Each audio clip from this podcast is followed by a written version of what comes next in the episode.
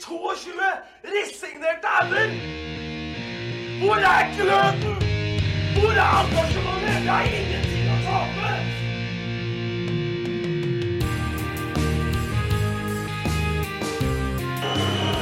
Ja, forlenges tid på Martin Ramsland. Skal du sette etter? Og så gjør han det! Martin Ramsland! Har du sett? Han kommer til å bli større enn Jesus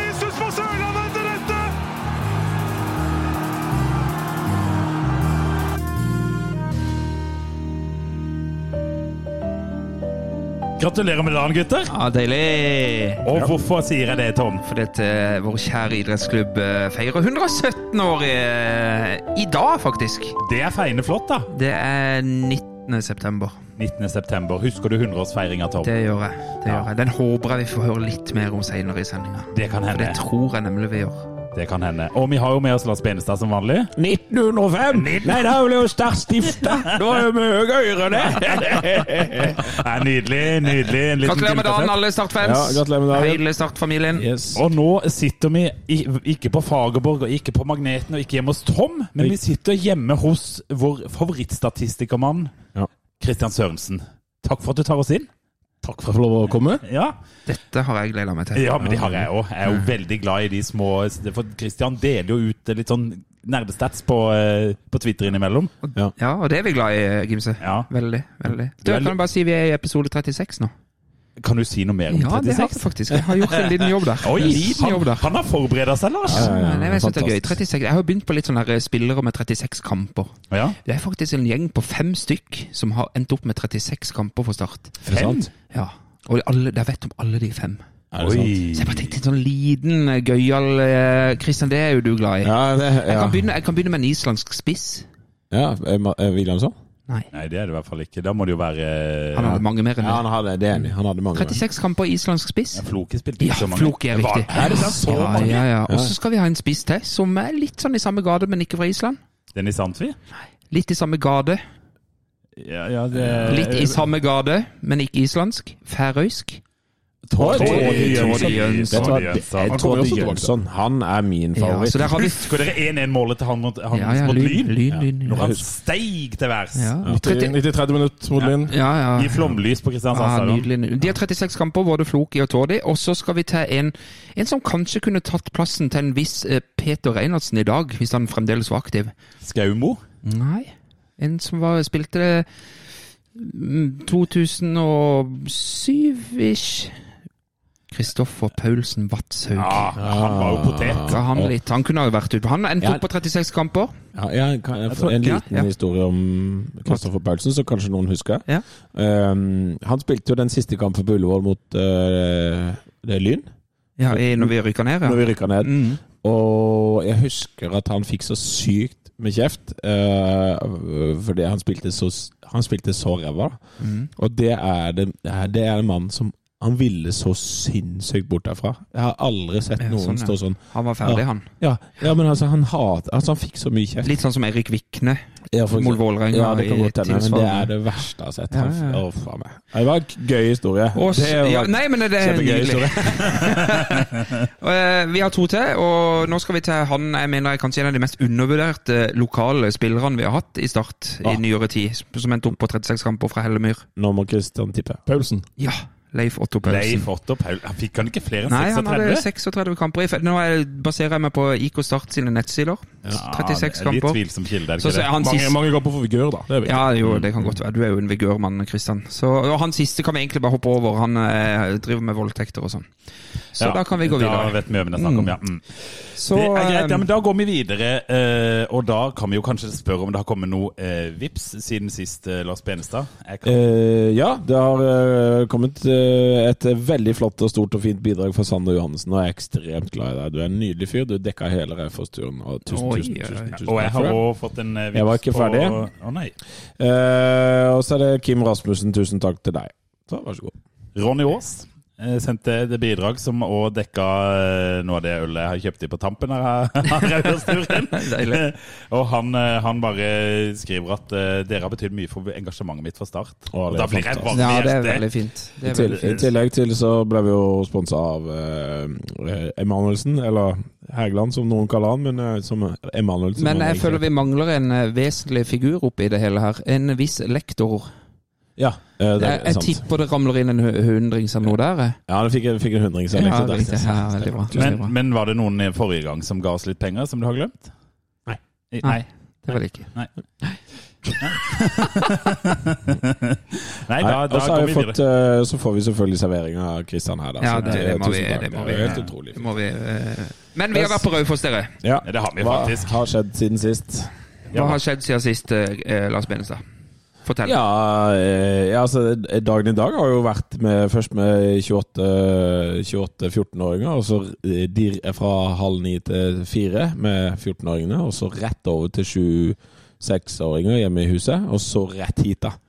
Barn du har. Eh, Og så rett tilbake igjen, og så rett hit igjen. Ja, ja for jeg måtte hjem og hente utstyret. Ja da. Vi hadde vært såpass dumme at vi på vei ned fra Raufoss Ja. la utstyr hos Lars. Ja. Det klarte ikke Lasse å forholde seg altså, til. alt som har noe med tekniske greier, det må du ikke gi til meg selv, ikke fysisk bæring. Så jeg måtte tur-retur Torshov og hente det. Så det er jo helt utrolig. Det har vært en ganske krevende dag. Og, og, men jeg syns jo allikevel, altså, hvis det er snakk om barnslighet, så er det den aller høyest barnslighet er her. oh, Nei da, men det var gøy i Raufoss. Ja, ja. Det Likte du deg i Raufoss, Kristian? Jeg likte meg veldig godt i Raufoss. Det var gøy- gøy å være på tur. Jeg har et veldig sånn konkret spørsmål. Hva syns du om reiseplanen? Jeg fulgte den til punkt og prikke, Ja, det gjorde du vel, ja. og den var utrolig god. Ja, var den det? Men, eh, ja, det den kunne ikke vært bedre. Fra en som er vant til å arrangere mye, mye reiser, og være en sånn som orger når gjengen er på tur, Ja. så vil jeg si at det her var det var ti av ti. Det Oi, oi, oi! Lars Ja, Benestad. jeg tror at du må lage flere sånne reiseplaner på Ja. andre Gjerne. Jeg kan godt lage reiseplan hver gang. Og det blir jo tre poeng av det òg. Ja, ja. ja, Det kan han ikke love hver gang. Nei. Nei, nei, det tror ikke jeg heller. Men det var jo uh, utrolig hyggelig på puben Kan jeg få lov til å fortelle hva jeg har gjort siden sist? Ja, gjør det. Jeg har tenkt veldig mye på den forrige episoden vår med Johan Jønnes Nilsen, Oi. og hvor, hvor, uh, hvor god den egentlig var. Ja. Jo, jo, men, jeg, jo, jo, men det mener jeg helt seriøst. Jeg syns Johan Jønnes Nilsen Ja. han er vår Daniel Aase. Og husker dere hvordan han fortalte om hva som venter oss på Raufoss? Spot on! Spot, spot on. Var det det, 6-3-1 og Jeg gikk til den kampen med sånn Ja, men jeg vet åssen dette kampbildet vil være, for dette har Johan lært oss. Og det var akkurat sånn det var. Ja, nettopp. ja. Og da kan jo jeg skyte inn der, for at jeg, jeg var litt i kontakt med Så det har jeg tenkt på siden sist. nyhetsredaktøren i Oppland Arbeiderblad, som er aktiv på Twitter. eh, Og bare hørte litt hva han tenkte om kampen. Eller bare, jeg Ja. hørte litt om puber og sånn, og hva som var bra. Det var rett for bar videre. Men så spurte jeg hva han trodde om kampen. Så sa han nei, det blir nok litt sånn mot Stabæk. Vi taper vel 2-0, eller kanskje 2-1 hvis vi er heldige. Ja, så, så sendte jeg bare melding til han. Jøsseland, det var, Ja, ja. det var godt vurdert. Så sa han ja, Raufoss er jævlig forutsigelig. Eh, Du vet hva som Ja, men det der. var egentlig det Johan For jeg prata litt med Johan etter kampen, faktisk òg. Så sa jeg du, du hadde jo helt rett, Johan, sa jeg til han. Og så, så sa jeg ja, det er ganske forutsigbart, det som skjer på Raufoss. Så det var visst ikke så vanskelig å være eh, trener for motstanderlaget når du møter Raufoss. Du vet hva du får. Men eh, hva syns du, Kristian? Hva, eh, hva syns du om kampen, eh, kampen da? Det var ikke noe, ikke noe stor kamp. Nei. Det var ikke det. Uh, det var som, som Tom sier, det var 6-3-en et Mm. litt tungt hjemmelag. Og så var det vel et litt tungt bortelag òg, som Ja. brukte litt, brukte litt tid på å komme i gang. Den første omgangen var vel eh, i det store og det hele ikke, ikke all verden fra, fra noen av lagene. Nei. Nei, vi vi pratet vel om det i stad. Det kunne jo vært 1-1 eller noe til pause. Ja, kanskje, men eh, ingen hadde reagert var på det. greit. ja. så- Men så syns jeg de første 15-20 andre Ja. gang, da, da er Start gode. Ja. Mm. Da, da viser jo det er liksom litt sånn topplag, da. Ikke det? Ja. Jo, jo, Vi, er jo. ikke, vi er ikke gode i 90 minutter, men vi er gode i de 20 som, som avgjør kampen. da får vi to mål og fire, to, fire, skårer to fire mål, og vi har eh, en svær eh, sjanse til som Ja. så å si var inne. Og vi hadde enda en sjanse som falt til Strandegård, en retur der som Det var liksom fire ganske bra muligheter. Og nok, Og er nok til å vippe kampen. Og dette er sagt hele tida etter den kampen der. Den kampen der er jo Nå begynner Start å bikke de der kampene som de må egentlig bikke for å rykke opp. De begynner å bikke de litt seint. Men det er jo sånn typisk topplagseier. De der er 2-1 borte mot Raufoss, 5-3 borte mot Sandnes Ulf. Alle de derre Men eh, alle de derre som eh, alle, alle de derre eh, tette, jevne kampene som Start ikke har bikka. Altså sånn Ja, ja. Sandnes Ulf hjemme tidligere i sommer, når vi taper hjemme mot Kongsvinger. Vi er jo veldig mye bedre hjemme mot Raufoss Ja. i den kampen vi ikke vinner, Ja, det vi er i den ja, kampen der som vi vinner. Så hadde du bytta rundt på resultatene, så hadde kanskje det vært riktigere på, på veldig mange måter. Ja, men, men det er jo et eller annet med det, Det virker skjer som at det holder for Start. Altså den ligaen Johan igjen, da, som er min eh, nye bestevenn, han sa jo det at alle lag er jo gode i Obos-ligaen. Men her ser du at her, Start kan være de, de må ha 20 minutter der de dominerer. Det holder Ja. Til å vinne disse kampene. en- så må du på en måte legge inn innsatsen de resterende 70. Yes. Men det gjorde de jo, og det var jo eh, Sindre var jo fra seg begeistring for Jasper etterpå. Men jeg skjønner jo det, sånn som han var ute i feltet og dirigerte og regjerte på tampen der når det kom en del innlegg. Og så, som jeg og Kristian sa, vi sto sammen på tribunen, så gjør vi et bytte på defensiv dødball. Og hva skjer da? Baklengs. Baklengs. Det er fy-fy, Sindre Kjelmeland. Det må vi slutte med. Å ja, er det Ja, det er en greie, du? Ja, det er en greie. Ja, men Fortell hva den greia er. Nei, du, du, ja, du, du skal ikke bytte På defensiv på dødball. defensiv dødball. Nei vel? Det er-. Hva sier statistikken om det, Kristian Sørensen? Ikke peiling på statistikken. Det Jeg må vet- du jo Nå Jeg vet spiller hva- du gjesten dårlig. Jeg vet hva, jeg vet hva myta sier, hva, hva TV-kommentatorene sier. Det er, Nei, det er sånn, du må fotball- ikke, ikke bytte på det. Fotballens kjerringråd. Sånn, ja, det er litt, det er litt sånn som litt organisering og Ja, men det er liksom som når Drillo kommenterer fotball, og enhver ball på en dødball som går inn ved stolpen Må ha mann på stolpen! ja, ja. Men du sier jo ikke noe når du faktisk står inn der. Nei, og den går inn. Ja, ja. Nei, men det som er jo gøy, jeg tror faktisk det er første gang i poddens historie hvor vi er fire stykk, og alle var på kampen. Ja, det var Det, Men eh, det er jo stort sett vi sender ut én representant eller to på disse kampene, men nå har vi vært der alle mann. Ja, det var, men det var- vi har ikke vært uh, alle Nei, det var ikke Sandnes. Nei, Nei. det var ikke Nei, nettopp, ja. Og ingen av oss var i Kongsvinger når du var der. Så, Så, men eh, det var jo et godt oppmøte òg. Det var jo all ære til de som har kjørt fra det er seks Kristiansand. timer for Ja, det er en lang er tur. tur, Og altså. så må vi nevne vår venn Seksjon Tyskland på Twitter Ja, igjen, som tok turen fra Sør-Tyskland til Raufoss. Da er du faen hakke meg splitter pine gal. Ja, nei, det, og det er ikke første tur han er, eller første bortekamp han er og ser Start. Nei, det, er- det er artig at vi har fans eh, langt utover landets eh, grenser. Fin fyr òg, det snakker man. Ja, Liksom, ja, ja. En eh, shout-out der, eh, seksjon, tysk eh, strofe til han. Ja. Nei, ingen som kan Du bist ein fantastische Mensch. Ja, ich liebe dich. Ja, og, ja, ja. ja. dette, dette, dette kommer han til å klippe ut, og så kommer han til å henge det opp på veggen. Nei, men, men, men jeg må jo bare få understreke hvor gøy det var å være på tur med denne startgjengen. Ja. Altså, Alle burde jo dra på bortekamp mye oftere. Start en pod har altså vært på tur. Vi starta, Jeg starta sjøl fra Drøbak halv syv lørdag morgen. Kom inn til Oslo. Der plukka Benestad opp uh, undertegnede og Gimse. Ja, Jeg var jo med Tom innover Ja, ja, fra, fra Drøbak fra oss. Og så kjører vi opp til til Gjøvik, kjører vi, for vi har en avtale med materialforvalter Rune Hægeland. Spiller inn en nydelig episode med han, som eh, Kommer alle- neste kommer neste uke i landslagspausa. Da slipper vi den. Eh, og Så går vi på retrobar og treffer resten av Start-familien, som er godt nede i glasset. Vi får en intimkonsert med Trond P-mann Aukland. Ja. Eh, helt, helt nydelig. Ja, ja. Eh, vi får ta han av på scenen der, og helt, helt brillefint. Får besøk, besøk av Sindre. Og vi fikk besøk av Sindre Kjellemann. Det var veldig trivelig at han eh, svingte innom. Det satt satte folk pris på. vi eh, kommer opp på stadion, og det er en god stemning. Ja, men det, det, jeg syns jo det er uh, verdt å, å trekke fram at han kommer innom. Altså mm, ja, ja. ja, men eh, uansett hvor mye jeg logrer med halen her, så, så, er- så syns jeg jo det å komme innom på puben Det er jo andre klubber som også gjør det med Ja, ja. hell. Og stå der og gi laget Mm. og ehm, Slår av et par ord. Slår et par Ja ord. Og, og, og det er noen som er kjempeinteressert i å høre uh, om Reinhardsen. og Ja. ikke gi, slipp på den, på en måte. Men, men han står der. Og Normalt, normalt er jo det sånn du kanskje får på, på VIP-feltet Ja, på, ja, på hjemmekamper, ja, er så får du litt ekstra stikkene innom. Og så, så det er, men det å stikke innom supporterne på, på puben på bortebane i Røyfoss, det, enig, det er jo ja, det er ikke hverdagslig. Nei, det er stort. Det er ikke mange som gjør det, og det er ikke mange som gidder å gjøre det. Så, så det, er en, eh, det er en stor heid Ja. eh, til Sindre Kjellvann som faktisk gjør det, og står der. Og Enig. Jeg tror han har, Noen ganger så tror jeg han har lyst til å bli òg, faktisk. Men uh, heldigvis så gjør han ikke det. Han, han var ganske fornøyd etter kampen nå, eh, det skal sies. da. Ja, ja da. Eh, Men og på stadion, helt nydelig. Ja da, det var det. og, Bilturen hjem var helt nydelig. Ja, Var ikke den fin, Lars? Ja, den var fin. Har du noe, Kan du ikke fortelle litt om bilturen hjem? Ja, den var lang, syns jeg. De som lurer på hva som skjedde, kan kontakte Lars Benestad direkte. Så får For, for, å, si, for å si det sånn, det er mulig at Nei, nei. nei da. Men, men jeg er enig, eh, enig der, altså. Men eh. Takk for lånet av bil. eh. du var jo på Raufoss i fjor, Kristian.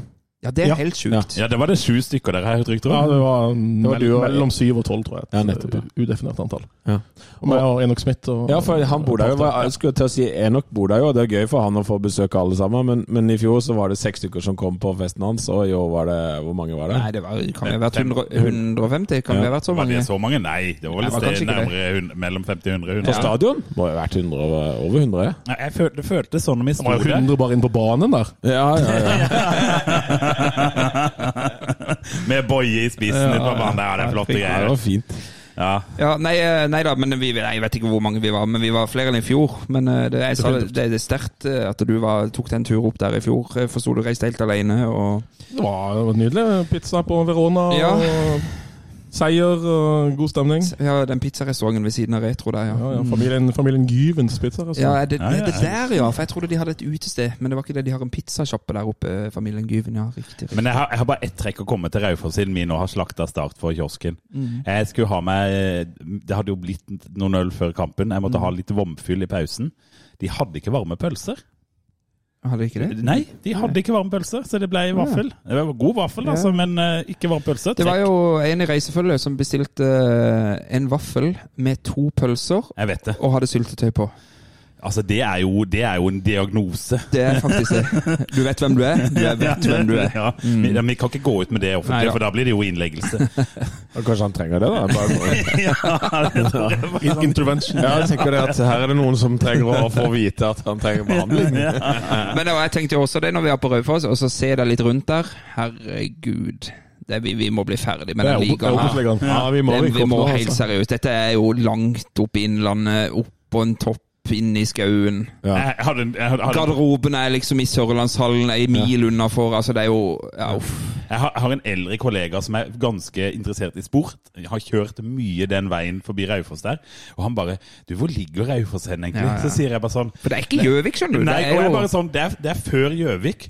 Eh, Å, å, ja, det sto et lite skilt Å ja, så det er skilta, ja! så han hadde ikke lagt merke til det. Nei, men at de kan ha liksom toppidrettsutøvere i det unge, det er helt utrolig. Ja, det, ja, det, ja, det er Men det er bare en sånn liten anekdote på det. da. Nå har jo han Christian Johnsen, da, treneren der de siste mange årene, han skal jo ikke fortsette. Og det fikk jeg høre at er mye pga. at klubben ikke har råd til å ta det neste steget. da. Så de har på en måte funnet sin, eh, sin plass. da. Jeg har, jo, jeg har skjønt det sånn at de knapt nok har råd til å ta det steget de har nå. Ja, For der er jo ja, det er jo- rød sone hele Ja, tida ja, ja. og fullstendig kaos. Det er det. Men da, når de først får et såkalt Eller et topplag på besøk, hvorfor i all verden er den kampen gratis? Det var, en, har- det var en sist vi var der òg. Eller sist jeg var der, var det i 2019 var det gratis kamp på. Kanskje de er bare så glad i sørlendinger at tenker at bortesupporterne skal få men, Var det ikke det på det er ikke, men det er ikke Kongsvinger? sånne gratiskamper ofte sponsa Ja, tilsvarende fra sponsorer som Nettopp, betaler. ja. jeg, jeg, tror ofte, jeg, jeg tror ikke det er noe minusprosjekt med sånne kronekamp.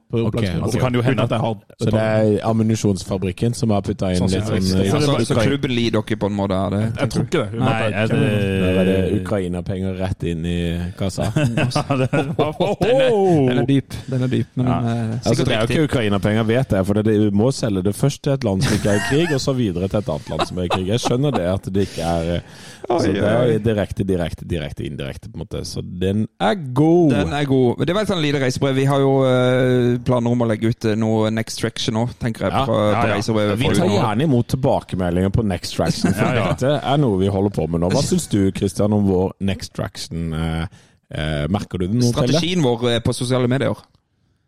Eh, ja, jeg merker det til det. Jeg kan jo blant annet la være vold med til TikTok. Å ja, Og så, og så merker jeg at, uh, at Gimse her er ivrig på kamera. Ja, ja. Ja. Det var, det var mye trøkk på, på videofronten. Ja, var det? Jeg må jo ærlig innrømme at jeg syns det ble ganske ålreit med den der glade Sindre Kjelmeland etter kampen på Facebooken vår. Tror jeg, som jeg sa sist, all PR er god PR når det kommer til det. Start trenger omtale og traction. Traction. Men det gjør det. Ja. Men det. eh, at vi er litt sånn, har litt sånn amatøritet på eh, Den, var litt, den er litt intern, men eh, ja. Nei da. Dette er kjempefint. Eh, Dette er kjempefint. Dette er kjempefint. Du eh, eh, Skal vi ta en liten Ja, ja. din heid er du så ivrig på i dag, Lars? Ja, ja så jeg først og fremst er ivrig på min blegg. Ja. For det er egentlig meg selv.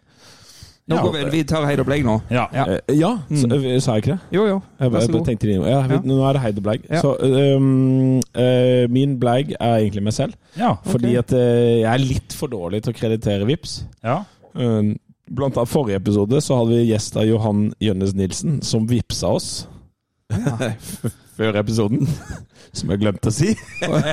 så han flere ganger sånn «Eh, 'Skal du ikke ta vipsen?' Og det er dårlig stil, det. Ja, det er utrolig dårlig stil. Og så, og er det litt sånn at øh, jeg har gjort noen avtaler med både Tom Strandegård og, og øh, en til, som ikke har klart å holde alltid, og sånn, fordi at vi har babla så mye. Så, så litt sånn min, meg selv bleig denne gangen. Jeg tror, hvis jeg ikke tar feil, så har du hatt deg sjøl som Bleig før òg. Jo, jo, jo. På grunn av noe av det samme. Ja, ja, ja. Noe, eller, Jeg lærer aldri, men jeg, jeg, jeg lærer aldri. Jeg blir ikke bedre, men jeg blir flau.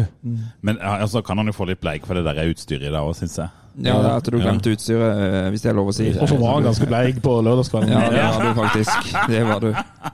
Men hvem, hvem roper på elgen om han har vært på Raufoss? Sånn er det. Sånn er Jeg er helt sikker på at det var noe jeg spiste. Den yoghurten var fin. Min heid er uansett en spiss. Ja. Og det er også litt, for, litt fordi at uh, jeg har brutt noen avtaler med han, måtte, så jeg er litt lei meg for det. Men også fordi at han har uh, skåra mål Ja. uh, to ganger på rad. ja, det liker vi.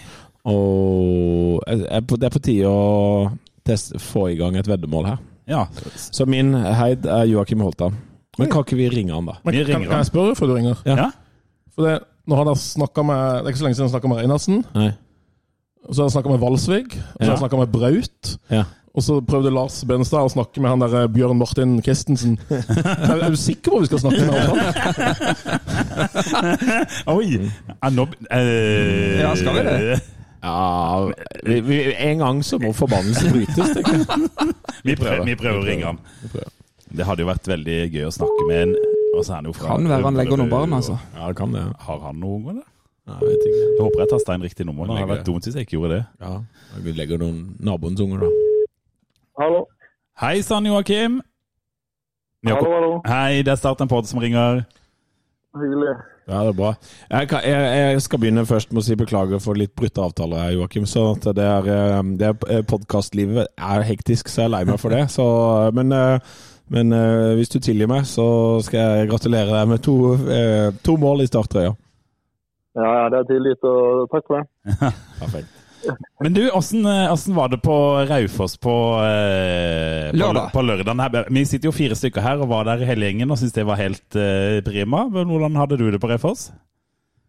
Nei, Raufoss er ikke en plass jeg liker akkurat. Det var jo den på Ryen i fjor. Eh, Det er en eh, ganske slitt og øde plass etter mine øyne, men eh, selvfølgelig når man får med seg en sånn eh, opplevelse og 2-1 og, og det å skåre mitt andre mål og få med oss tre poeng derifra etter sånn en krigkamp er selvfølgelig deilig. Du oppsummerte egentlig Raufoss akkurat som vi nettopp har gjort det sjøl òg. Tom sa vi må jo komme oss bort fra det der Ja, greiene det der. her, vi kan, du skal ikke der mer nå, Joakim, sant? Nei, for det er ikke favorittplassen min, for å si det sånn, så der håper jeg ikke jeg skal igjen. Men du, fortell litt om eh, starthjertet ditt. Det virker som du Det er mange som sier at eh, Joakim Holtan har lyst til å spille i Start. Altså, fortell om um, hvor- godt du følger med Eller hvor, hvor mye du har vært opptatt av Start i ditt liv. Det var et kronglete spørsmål, men du skjønte poenget. Ja, nei, altså Start er jo en klubb jeg har vokst opp med. Min far har jo vært uh, Start-supporter, og min mor har kjørt meg mye til trening og jeg har spilt i Start i mange år. Eh, så Det er jo en klubb jeg har vokst opp med. Så det, det å få muligheten til å, til å spille nå, selv om det først og fremst nå er bare et halvt år, eh, så, så er det selvfølgelig en, en eh, veldig gøy opplevelse og, og selvfølgelig en drøm som går i oppfyllelse. Ja, så bra. Du, mm, jeg husker noen sånne Feven-artikler tidligere. Du har jo på en måte vært litt sånn i, i diskusjonen tidligere. Hvordan har det vært å på en måte vært i diskusjon? Men, og litt, du har jo også vært uenig i at ikke du har vært eh, For noen har jo ment at du ikke har vært god nok osv. Så, videre, så det har jo vært litt sånn Du har jo alltid vært på vei til start, tenker jeg, da. Det Ja, det har jo vært eh, Nei, altså, jeg har jo Jeg prøver jo å ikke få med meg for mye som av ting som skjer. For det er jo mye rykter fram og tilbake, men selvfølgelig så får man jo med seg litt både familie og venner og, Ja. og ting man får med seg sjøl. Men, eh, men hei, det har jo vært spesielt de siste årene nå, så har det jo vært mye, mye fram og tilbake i forhold til eh, det å, å få en overgang dit, eller eh, interesse og sånn. Så, så det har selvfølgelig vært eh, en berg-og-dal-bane, det. Men, eh, men nå så fikk vi det til denne gangen, da. så det er egentlig bare det jeg tenker på nå. Var, det, var, var du nærmest den gangen du gikk fra MK til Bryne? Var det da du var nærmest? Um, ja, det vet jeg egentlig ikke om jeg var nærmest da. fordi altså, samtidig så, så jeg vet jeg ikke hvor, hvor, mye, inter, altså, hvor, mye interesse det var. For, altså, da hadde ikke jeg fikk jo agent når jeg gikk fra eh, altså, MK til Bryne, og før det så hadde ikke jeg agent. Jeg gikk jo gjennom klubben, og, Mm. og, og før jeg hadde agent så hørte jeg egentlig ingenting personlig. Så da vet jeg ikke om, om, eh, om de snakka med klubben eller hva det var. Men da hørte jeg ikke noen ting egentlig før jeg gikk eh, til Bryne. så så da hørte ikke jeg noe. Så jeg, jeg følte ikke at det var da jeg var nærmest. Nei, Men, men etter jeg hadde skåret en del i Bryne, så, så skjønte jeg jo at det var mye interesse. Riktig. Ja, så, det, så, ja, så etter at du var i Bryne, det var da egentlig du begynte å kjenne på en slags interesse? Eller var det først nå i forbindelse med utlånet at du, at du virkelig kjente at nå, nå blir jeg startspiller?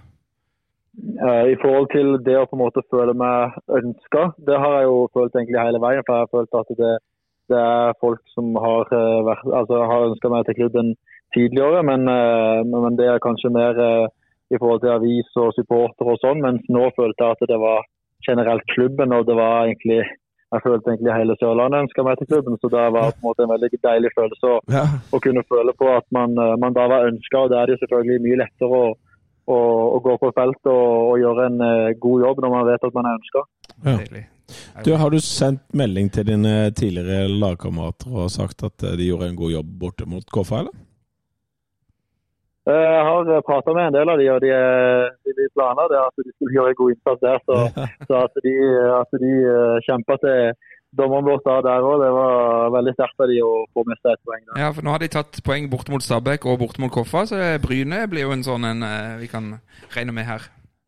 Ja, de har hatt en hel uavgjort, eh, de i år, men de har, de har vært veldig sterke nå i det- mot slutten. Så det, det er veldig gøy å se.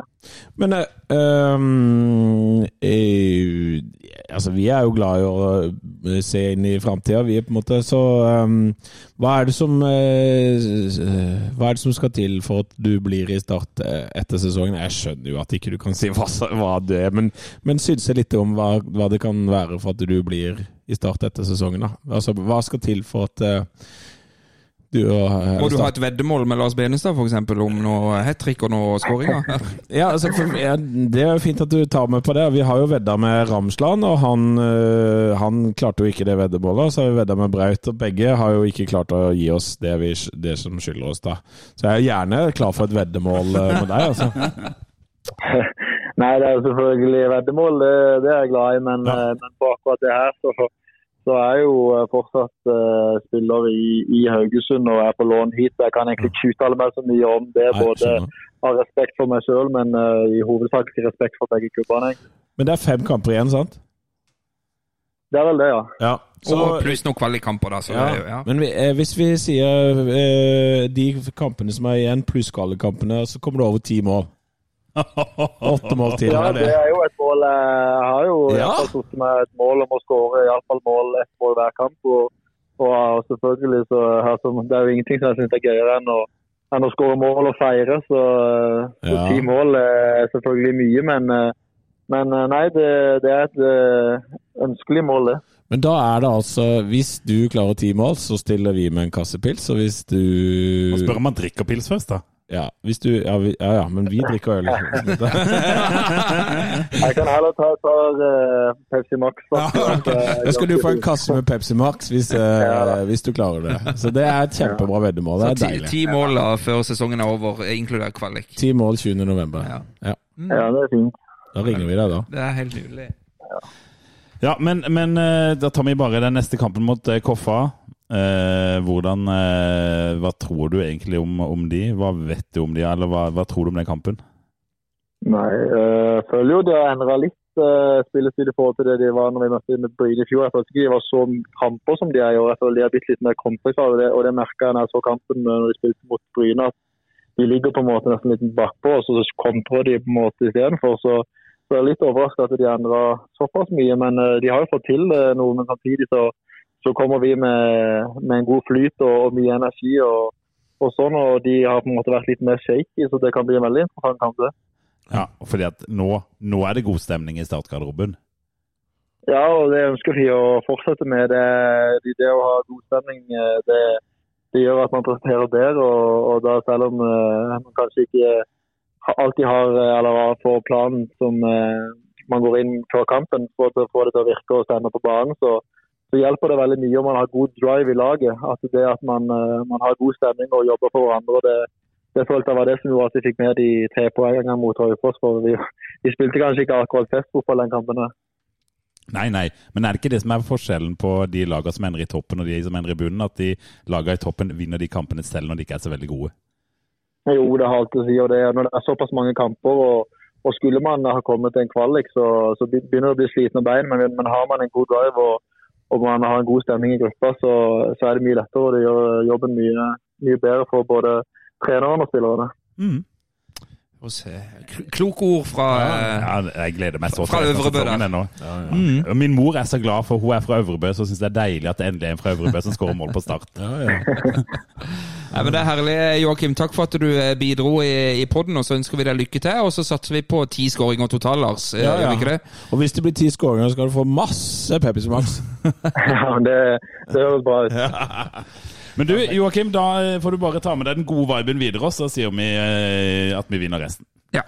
Veldig bra. Yes. Tusen takk. Takk for praten. Ha det bra. Ha det bra. Deilig. Ja, Skal vi ta en jingle da, når vi ja, først har ja, Vi tar en jingle.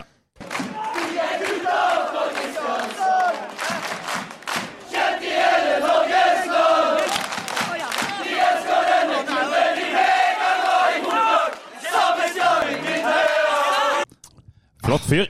Ja, er, men da har vi også veddemål, da. At ti mål. Og hvis uh, Han var litt lunken til det, hørte jeg. Ja, han var litt lunken. Men det, de andre to har jo vært utrolig gira, og de har jo ikke holdt det. Så dermed så holdt han det. oi, oi, oi.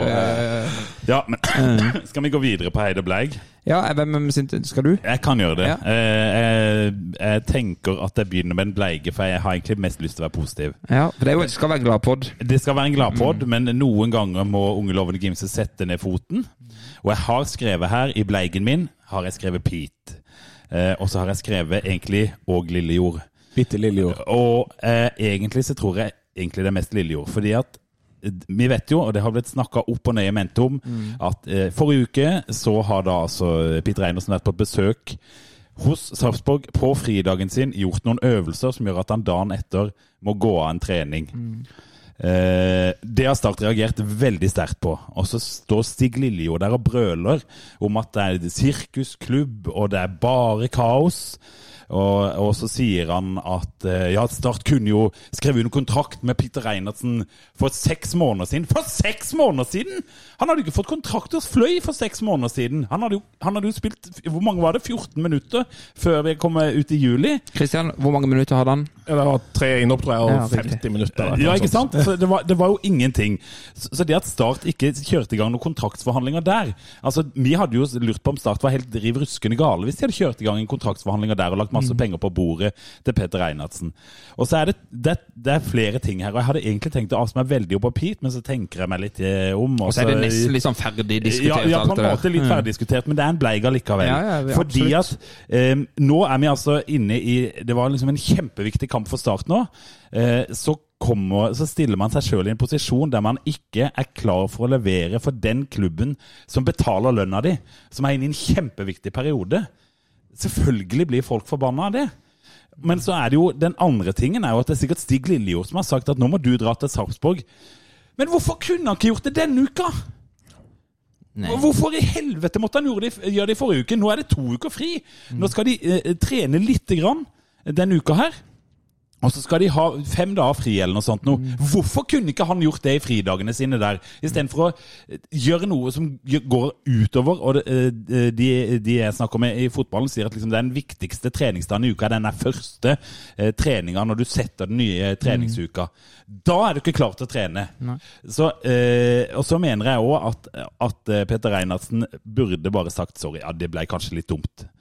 Eh, da tror jeg kanskje de hadde blåst over litt fortere, men han har en agent som står og kjefter og smeller på utsida. Så egentlig kjenner jeg jo mer saker. Jo bleigere er det Stig Lillejord blir. Bitte Lillejord. Bitte Lillejord blir bleigere og bleigere og bleigere og bleigere. Eh, og så har jeg hørt på den andre poden de sagt at Start kunne gjort sånn og sånn. og jeg er for så vidt enig i at Ja, det har jeg ikke hørt. Hva er det de sier der? Nei, de- de sier at eh, kanskje Start, eh, når de da begynte å inngå kontraktsforhandlinger med han, kunne liksom pusha på litt eh, og vært litt kjappere. Men de ga jo frist. Ja, ja, men problemet der er jo at Start er jo enige med Peter Reinertsen om kontrakten. Det økonomiske ligger jo på bordet. De har- Jeg skjønner ikke hva Jeg beklager. uff, Men, men hva er det Hvordan? Altså, Hva ble det sagt at de skulle være Nei, At de skulle vært litt kjappere, for de brukte god tid med å gi han Og så ville de ha 14 dager eh, å tenke på, og i de 14 dagene så har jo Pete skåret tre mål og blitt verdensstjerne nesten. Ja, Ja. Men, men, men eh, ja. Til men, men, men det går an å legge på en bleig til, da. For det, det er han derre eh, Thomas Berntsen i, i Sarpsborg. Ja, han får, men han er jo så irrelevant at han får ikke bleik engang. Jo da, men altså, det er jo også en, en pikk, da, som på en Ja. måte står i ja, Og, og, også, så, og det er ikke sikkert være en pikk, men han oppfører seg som en pikk. da Ja, og så, sier Stig Pass på. eh, Ja, eh. Og så sier Stig Lillejord Ja, dette er helt vanlig.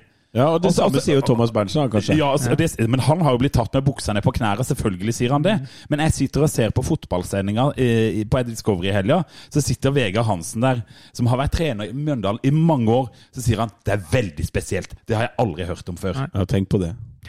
Så den bleigen syns jeg er dønn fortjent. Men jeg vil legge til hvis eh, de kan eh, starte eh, og Reinersen kan eh, bli venner igjen, at Reinersen sier ja, det var kanskje litt dumt. Det skjer Så- så- ikke. så- det nei, skjer nei, nei, ikke. Nei, det tror ikke jeg heller. Men hvis, så tar jeg gjerne med Peter Einarsen, sånn som han holder på med til neste år. Ja. Det vil jeg bare ha sagt. Ja, For vil han er, det, ikke, ja? Ja. han er ikke persona non grata. Alle kan gjøre feil. Kristian, vil du si noe? Ja, jeg, jeg kan godt si noe. Jeg synes, uh, jeg har hørt på den podden som Lars ikke har, og oppsummeringa til, til Lars her nå. Og den, jeg syns jo Feven dekker det egentlig veldig Ja, det bra. En sånn uh, fra begge sider og uh, gjør en god, eh, en god gjennomgang av det meste. Men det det er ett perspektiv som, som ikke kommer fram i noe særlig grad, syns jeg. Ja. Og som er ganske viktig. I, i min, eh, nå er det mest eh, mine 20 år som håndballtrener på lavt nivå som kommer fram. Altså det å ha ansvar for grupper og den biten der. Eh, Daniel toucha så vidt innom det i poden. Han sa eh, han, han nevnte dette Stabæk-møtet, Uh, oppvasken, uh, det som har vært altså det nye start, eller hva vi skal, Ja. hva vi skal kalle det de siste ukene. Eh, og det er liksom spillergruppas perspektiv Mm. uh, i det her. Åssen altså For tre-fire uker siden, etter Stabæk-kampen, så satt de i krisemøter, hva du kaller det, alle sammen. spillere, støtteapparat, og kom ut derifra. Og det ene som har kommet ut av det, det som går igjen i alle sånne samtaler som har vært i etterkant, det er at alfa og omega nå, det er treningshverdagen. Ja. Vi skal opp et nivå på, på trening, eller to nivåer, eller det som er. Vi skal være tøffere og høyere intensitet, vi skal trene skikkelig bra. Og, og hver kamp de har snakket, og sett tilbake og snakket om der, så er det som ja, nå er treningsuka mye mye bedre. Det er en helt annen Kjelmeland, det er en helt annen intensitet, det er helt andre treninger. Så treningene er dritviktige. Eh, og det andre er det eh, båndet, det fellesskapet som, som spillerne og støtteapparatet kommer ut med i etterkant. Se og sammensveisa de, de ser ut på, på Raufoss. Eh, se og sammensveisa de har fremstått, åssen de har eh, altså, håndtert den situasjonen der altså, Det var ikke bare meg, det var Daniel også, og mange som liksom under den Stabæk-kampen sa at her har vi en trener som mister garderoben. Ja. Det her, sånn og sånt skjer i fotballag, så går det bare én vei. Det blir sparken, og det er ferdig, og det fins ingen vei tilbake. Og så har vi et lag her som faktisk eh, har håndtert dette, og som løser dette som, eh, som et fellesskap, som en gruppe. Og det ligger det utrolig mye kraft i. Ja. Eh, og så sitter den spillergruppa i garderoben, og så ser de at Se hva vi har fått til. Vi har vunnet en kamp. Vi har fått en kamp til. Vi har vunnet enda en kamp. Og så plutselig så er det en av de som bryter ut. Så en av de som stikker til, til Sarpsborg. Så en av de som kommer tilbake fra Sarpsborg og ikke kan delta på trening. Mm. Som, som liksom har vært det det viktigste, viktigste grunnen til at de har lykkes. Og det er derfor jeg mener at det var tapere hele veien her. Og da, da sitter den gruppa der, og så ser de på han, og så, så er det jo Hva, hva syns de? Ja. Eh, de må jo føle Jeg ville tenkt at de, har vært med å presse fram noe av den eh, reaksjonen som har kommet fra start. For, Hvis jeg har sittet i en gruppe, vært en del grupper, så har jeg følt at det han gjør, det er lojalt. Nå, er- nå, nå følger ikke han de reglene, skrevne, uskrevne, underforståtte reglene vi har hatt mellom oss de siste tre-fire ukene. Og Det perspektivet synes jeg er utrolig viktig. Hvis den spillergruppa har eh, på en måte krevd, ikke nødvendigvis ved å faktisk si det, men eh, underforstått igjen da, at her kreves det en reaksjon. Det har kommet fra spillergruppa. Eh, så, så har jo ikke klubben valg. De er nødt til å reagere. Spørsmål, Kristian. Uh, hvis uh, Start var jo litt heldig som, som slo Raufoss eh, i, i denne saken på en måte. For at, uh, hvis de hadde tapt mot Raufoss, så hadde det blitt enda flere tapere i denne saken, på en måte.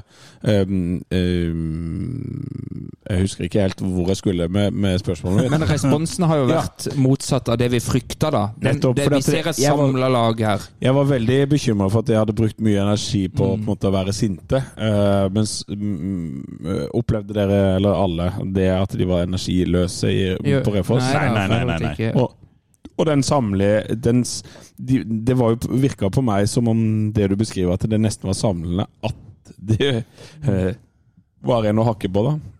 Ja, de, de har reagert, og de som, vi som er igjen, står sammen. Og så er jeg enig med Lars, det, det er fullt mulig å, å tilgi Peter. Det har eh, det står i Bibelen at det, er det har Jesus gjort. Det kan, det kan Magni Fornberg også gjøre. Ja, og, alle dere som syns vi banner for mye, nå nevnte vi Jesus, faktisk, og da er jo det ok. Greit med litt balanse der. Ja, men du, er bare en sånn, tenker du, Når er det du mener at vi At det er greit å tilgi, da? For å kjøre Jesus-linja litt videre? Hva må han si, hva må han gjøre er, for å tilgi? det er Han må gå inn på kontoret til Magni Fornberg og si den kontrakten den vil jeg signere. Okay. Og så må han gå ned i garderoben og si gutta, jeg dreit meg ut.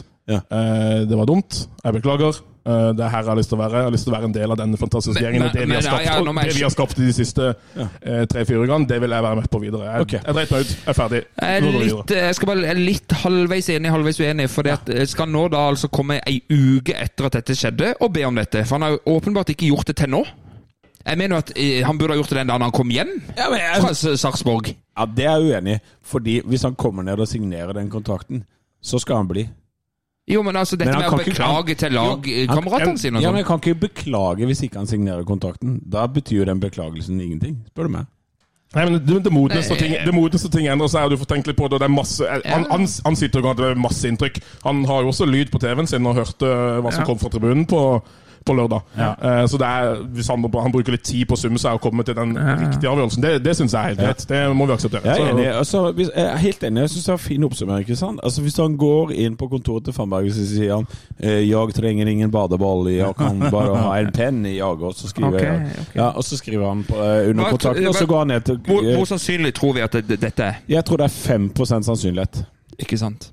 Ja, jeg tror det er mindre. Altså vil jeg si at motsetninga når det mest sannsynlige skjer, at han ikke gjør det, Mm. eh, så har jeg veldig lyst til at dette er siste gang jeg snakker om han, siste gang jeg hører om han. Enig. bare være enig, enig. eh, dead to me resten av sesongen. Jeg orker ikke mer. Nei, helt Nei, enig. ja, det er jeg også enig i. For det, eh, det, er et, det er ganske svikefullt uh, type atferd, da. Mm. Men jeg orker ikke det der hat altså, det var, Nei, nei. Jeg syns det var gøy på Raufoss. Men men jeg orker ikke noe mer av det. Nei. La det ligge. Bruk, bruk heller energi på de 17 gutta som har lyst til å være her, som presterer bra nå. Ja. Joakim Holtan, for eksempel. Ja, Yes. Jeg er helt enig. Helt enig. Hvis Kan vi være ferdig med det kjipe nå? Hvis ikke Petter Einarsen skriver under, så er han eh, Hva heter det når man ikke er noen ting? Eh, Personer non grata. Persona non grata. Yes. Yes. Men skal vi snakke om en av de som har lyst til å være i ja, for dette var jo en Bleig, nå går vi på Heiden din. Åh, da blir jeg så glad. Ja. For det er, det, det er jo nesten må være den flotteste fyren i hele Start. Jasper Silva Torkelsen. For et deilig menneske! Du fikk deg en rolig selfie der, så Ja, jeg på du, ja, det, ja, jeg ble jo mobba for å ta bilder med folk som kunne vært ungene mine, og det kunne de jo, begge Ja. to. Det var både Emir og Jasper. Men, men det er noe med han, han eh, som vi var inne på i stad, han er jo så sjef eh, på slutten der når det kommer mye innlegg. Så er det det spillgreiene. Men den, det er spesielt den gleden han viser etter kampen der.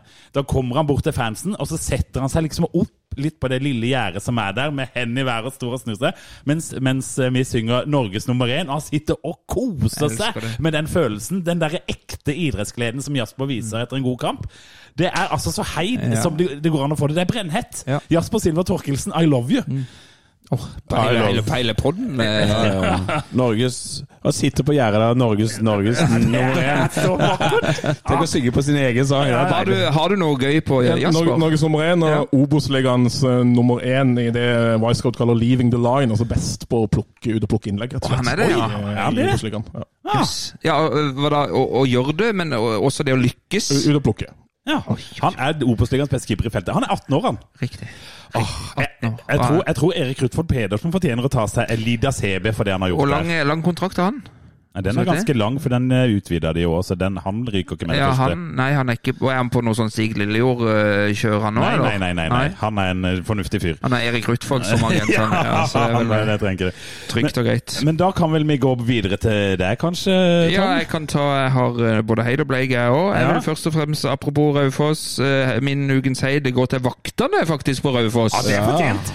Det gjør det. Eh, I sterk kontrast til hvordan Arendal sine vakter oppførte seg tidligere i sesongen, mm. når vi spilte cupkamp der. For da var det eh, noen som ville litt eh, på feil side av gjerdet, og de klikka og henta politiet, og det var ikke måte på. Vaktene på Raufoss det var lærebokhåndtering av en sånn, sånn eh, Hva skal jeg si En snill pitch invasion, da. Ja. På 2-0 så, så er det noen av supporterne som går over gjerdet og løper bort til Joakim Holtan for å gi han en klem. Ja. Da er det ikke jernhånd tilbake igjen. De bare pent spør om ikke kan, Må det litt sånn- gå, gå tilbake Kan igjen? ikke gå, gå tilbake på tribunen Ja, ja, ja, det var litt sånn. Det var, og, og, hva skjedde da? Jo, da gikk man pent og rolig tilbake igjen. Ikke noe oppstyr. Alle smilte. Alle smilte. Spillerne eh, ble jo litt redde for at kanskje dette ble litt for mye og mye greier. Det så ut som Joakim likte det, faktisk. Ja, eh, men, men den håndteringa fra Raufoss-vaktene der var et skoleeksempel på hvordan du skal behandle bortefans som er litt overivrig. Ja. Og Også det som skjedde da i, i kjølvannet av dette, var jo at det kom til to-tre andre fedre bort der fra idrettslaget i Raufoss og liksom bare sto foran der, da. Ja. Um, og, og jeg, når jeg så på dem, så smilte de og prata hyggelig til folk. Og, nei, Raufoss, det skal dere ha! Det, ja, Ja. Vi, sa, mye kjipt om stedet dere bor på i stad, men eh, veldig god Ja, det, det, Det syns jeg faktisk fortjener en uh, ukens heid. For Ja. det, sånne situasjoner eskalerer veldig fort hvis du skal kjøre en, uh, en skikkelig hard linje på det der. der. Så uh, vel blåst uh, vakter på Raufoss. Bleigen det er ikke så vel blåst. Men den er veldig gøy. Eh, det kom oss for øre når vi var på Gjøvik at startspillerne tok buss opp til Gjøvik på fredag ettermiddag kveld. Eh, det som skjer, er jo at når de kommer til Drammen, så finner de ut at nei, vi, vi skal jo Vi kjører denne veien innover her. Innover Hønefoss. i Ringerike-veien oppover der. Er det for å unngå rushen? Ja, men Hvordan er det mulig å kjøre feil til. Gjøvik når ja, du er kommer til Drammen? Så tenker du du kommer til Drammen ja, Nei, vi skal, vi skal ikke kjøre denne veien, da. Over Hønefoss og masse. Nei, men Det- det er jo en, konk det er jo en, det er jo en, det er jo en handling for å unngå rushtrafikken gjennom Oslo. Ja, men eh, konsekvensen av dette, kjære Lars Benestad, oh, ja. er at uh, spillerne sitter og spiller kort og har uh, quiz på bussen i tre deler osv. Men det er så svingete veier at brorparten av spillerne blir ordentlig, ordentlig bilsjuke. Og blir kvalme. De blir kvalme. Og det var noen av de som knapt nok fikk spist kveldsmat. Men var det ikke noen som sa at man skulle rope på elgen? Det er, men det er for meg som er litt over middels interessert og opptatt av eh, kjøreruter. Det er en sær, sær tittel å ha, men, men, eh, men det er, for meg er det helt hinsides at man kan kjøre feil Ja, når man skal til Gjøvik. Da er det straka veien opp eh, E6-en opp der. Så du gir altså Bleigen til bussjåføren? Ja, Eller til de som avgjorde hvilken vei de skulle gjøre, i, kjøre i Drammen. Nå er jeg spent på startbørsen til Tom. Men, men Bleigen Nei, nei, er en en ja, men hør, bussjåfør. Benestad, hør Benestad. Hva om vi hadde tapt? Hva om vi hadde tapt?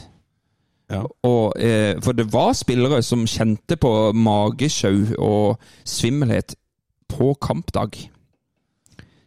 Ja, jeg så um, Så uh, Da hadde jeg vært det bleigeste og hadde det, da denne historien kommet fram i lyset, Ja, så kunne hadde- man jo stilt spørsmål er det, har vi riktig innleid eh, busselskap her. Eh? så hadde Magnus sagt vi kan ikke Nei, jeg skal ikke. Nei, jeg tror ikke du skal det. Men, men eh, i dag får til og med gjesten lov til å Heide Blake. Ja. Ah, er ikke det flott, er stas. Ja, han har jo fått beskjed om at han får lov til det før, da. Ja. Så du har forberedt deg litt? Jeg har godt forberedt. Ja, veldig bra. Da er det bare å kjøre Heide Blake, Christian. Uh, jeg begynner med Blake, da. Gjøre som det. Ja. Vi kan avslutte på en, eh, på en god tone. Uh, som jeg sa før, det er, det er vanskelig å finne en Bleig i når, og sant, når det- er velstand ja, ja, og vi vinner kamper. Og det, det er jo, der er jo godt ut og graver, dere òg. Uh, men men min, min Bleik er Bjørn E. Andonsson. Oi! Oi! Uh, Det er jo en spiller. det er jo en spiller som Han eh, for, eh, Egentlig var han, han var svakere sist. Han kom inn sist, så syns jeg han var, var relativt svak. Da mista vi kontrollen på, på kampen mot, Ja. eh, mot Blink de siste minuttene der. Eh, og så som, som Tom sa i stad, så kom han inn i dag, og så slapp, eller på, på lørdag så slapp vi inn målet etter 15 sekunder. Ja.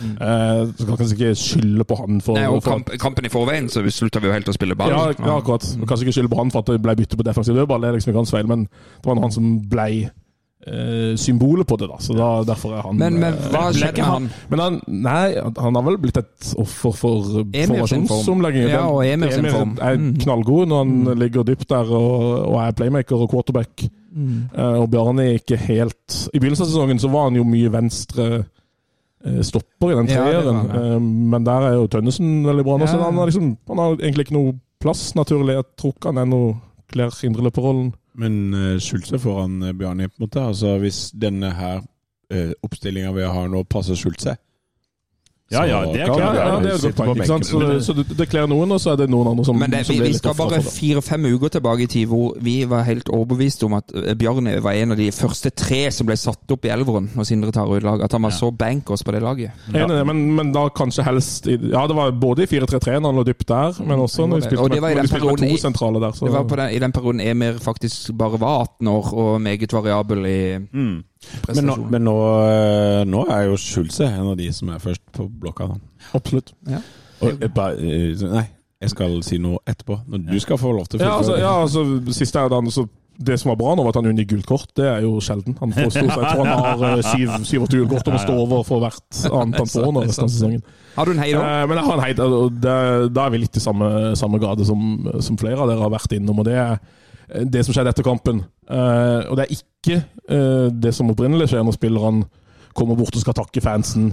Og så setter vi i gang en eh, hva det min bestefar sa, eller en annen sang som, som vi holder i gang litt. Og så spillerne står må vi være med på det her, eller kan vi bare stå og hoppe litt? Eller så er det litt sånn klein stemning et minutt, og så blir det litt sånn den der standard... Hei! Hei! Ja, så kommer den der standardbølgen som, Ja, er som alle har. Greit nok. Eh, men det som skjedde etterpå Akkurat der så, så var det noen som tok initiativ og skjønte at vi har jo, vi har jo vår greie.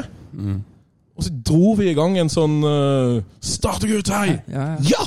Og det, da var det, da, med en gang så var det sånn, det var en sånn puslespillbrikke som falt på plass. Og så Ja. var det bare sånn Ja, det er jo det dette vi skal gjøre hver gang. Det, det er jo Kristian det jo vår greie. Vi må, vi, må, vi må finne vår greie. Vi må ikke stå og gjøre sånn som alle andre Nei, nei, nei. Eller stå og se litt kleint på andre. Vi har jo vår greie. Hvor himmelfall. Ja, men jeg er jo helt enig, for hvor, hvor mange syns egentlig det er gøy med denne bølgen? Jeg, ser jo, jeg, jeg vet jo at halvparten av spillerne øh, hater det jo, eller ikke hater det, men syns det er flaut. Det er kleint det er å stå med den bølgen. Jeg syns det sjøl. Jeg må se bort. Jeg får sånn Gi meg pude, jeg må ha den i ansiktet. Er det sant, Ja, det, det gjør jeg. Ja, det det gjør jeg. Han er så selvbevisst. Nei, men 100 Det der det det bølgegreiene nei, jeg. Jeg, jeg, sånn, jeg jeg, jeg tusler rolig ut av stadion Ja, Og så er det sånn, Men- har, du, har du spilt dårlig og tapt, så, så vil jeg helst at du bare så vidt anerkjenner Ja, men med en kom bort med liten sånn knyttneven og liksom, ja, litt, ja, litt sånn. selvfølgelig, det, det er bra. Men vi må, vi må finne altså Jørgen Klopp har sin greie, og folk har, du må, Ja, du må ha det som er vår greie. Ja. Og Startgutta, det er, det er for gøy. Så din heid er egentlig Pep, da? Det var vel han Nei, som det er, hvis han som dro han i gang, så, Ja, ja, ja. så, er, det, så er det han som får, uh,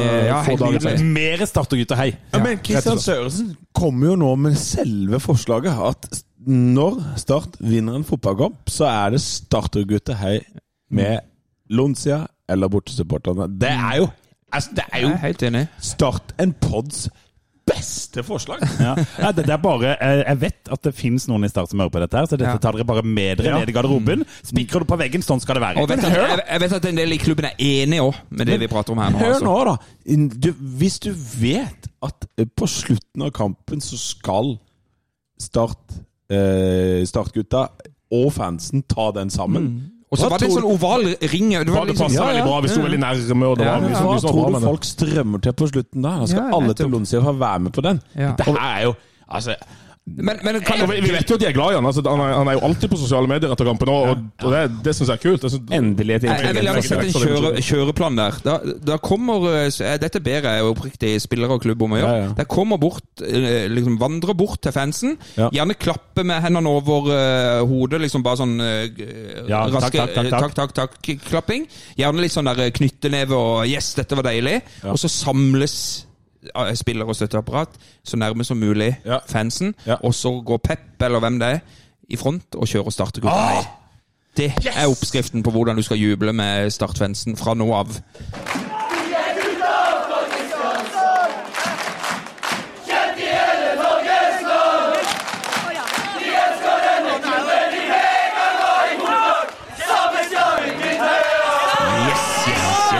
Ole, jeg klarer nesten ikke å la være. Ja da. Jeg har bare et lite innspill, da. Ja. For nå snart skal vi spille hjemme mot Koffa. ja. Schulz har fortsatt ikke signert kontrakt. Kan vi ikke bare slippe ut en haug med badeballer på Ja, faktisk fått innspill eh, til podden på om vi ikke kunne ta opp denne greia Ja. der. At vi blåser opp en haug med badeballer og kaster ut på. For det, det finnes jo ikke noen på Sørlandet som, som ikke vet hva det signalet betyr. Hvis det er masse badeballer ut på Sørlandet dår- eh, slitte badeballer etter ja, det må jo være salg på badeballer. Ja, ja, det må være Masse badeballer på Sør Arena. Så, så er det liksom Dette her vil vi. Ja, så vi fyller Sør Tenk Arena med badeballer. Det. Ja, det er er en oppfordring fra Start en pod. To oppfordringer, altså. Start og Startergutta, hei. Badeball. ja det var, det var, nå, er vi, nå er vi i ferd med å pike her, Ja, ja, ja. Så du bare letter stolen. Men, eh, men skal jeg da dra det som kommer til å skje? Ja. For jeg tror det er derfor du er litt glad nå. ja. Så det at eh, I dag så har vi opplevd at eh, vår eh, konkurrerende, eller som nå har blitt symbiotisk, de Ja. har jo eh, Erlend, de har kommet med en dobbeltepisode. Ja. To podder på samme dag. Ja. Vi gjør det ikke helt sånn. Men vi kan, ikke vi kan ikke være så mye dårligere enn de på en måte. Nei, for dette, nå kommer vi med denne her, da, sånn eh, et lite døgn etterpå. Men vi kommer med én til. Hadde jeg hatt drumroll nå inne på sånn trommevirvel, så hadde jeg lagt den på. Altså. Og vet dere hvem som besøker podden vår? Det Ja, jeg er- vet jo det, da. Ja, det er selveste Kristoffer Ayer. Yes. Kristoffer Ayer gjester podden vår i morgen. Og kjøss meg på tirsdag, holdt jeg på å si. Det, er ikke Ja. det er faktisk ikke helt riktig at han gjester podden, for det er vi gjester Å ja, vi gjester han. Vi gjester han, på en måte. Skal vi til London i morgen, er det det du sier? Nei, nei for han skal jo spille Ja, landskap. så- ok, så så det da blir- blir det blir bare rett opp vi i øyet, ja, ja. landslagsaktuell pod, da. Men nå blir Lars Benestad i ferd med å bli en heid her, fordi at han- den har han jobba inn. Ja, Ja, ja, ja. du skal få æren for den, eh, Lars. Du Jeg skal skal få æren for de fleste gjestene. Jo, faktisk. så det, det kan du. Det kan. Men Hva eh, det hadde ikke blitt mye lyd uten med, med deg bak bak spakene. Hva var, hva var innsalget? Har du lyst til å hoppe etter Wirkola? Eh, nei. Det Den skjønte ikke Lars Benestad, men det er altså Christian Sørensen til Kristoffer Ayer. Det er jeg som må vet du hva så innsalget var? Jeg skal si Vi er starten på Um, du har jo eh, eh, en karriere i Start. En av de yngste og viktigste spillerne i, i en tid i Start. Har du lyst til å være med på dette? Ja, det vil jeg. Men jeg bor i London. og så har vi jobba med ganske mange landslagspauser, og nå traff det endelig. Men bare for å være helt sikker nå, det er ikke, det er ikke sånn som med Tor Christian Karlsen, at eh, vi tror vi skal møte han, og så plutselig er det noe? Skype eller noe sånt? Hør nå, du merker dette er gira. For vi skal altså opp på Tone hotell Storo og spille inn sammen med Aja. Ja, Her er det både barnslig entusiasme og masse sosial angst i samme, i samme dur. Så jeg bare tenker sånn Her sitter vi og prater med Ayer, og så bare tusler sånn Erling Haaland forbi, og Martin Ødegaard. Hva syns du om eh, Hva syns du om eh, Ja, nei, det her Hva syns du om Start? er jo det du må spørre noen andre om, ikke hva de syns om det. Nei, Jeg driter i hva de syns om meg. Jeg Ja, bare, ok. Erling Haaland, hvorfor spiller du aldri for Start? Ok. Men eh, Så det vi sier, er at vi må få lytterspørsmål. Ja. Det er bare å sende oss lytterspørsmål. Vi legger Yes, ut vi en, en post om det, så, Ja.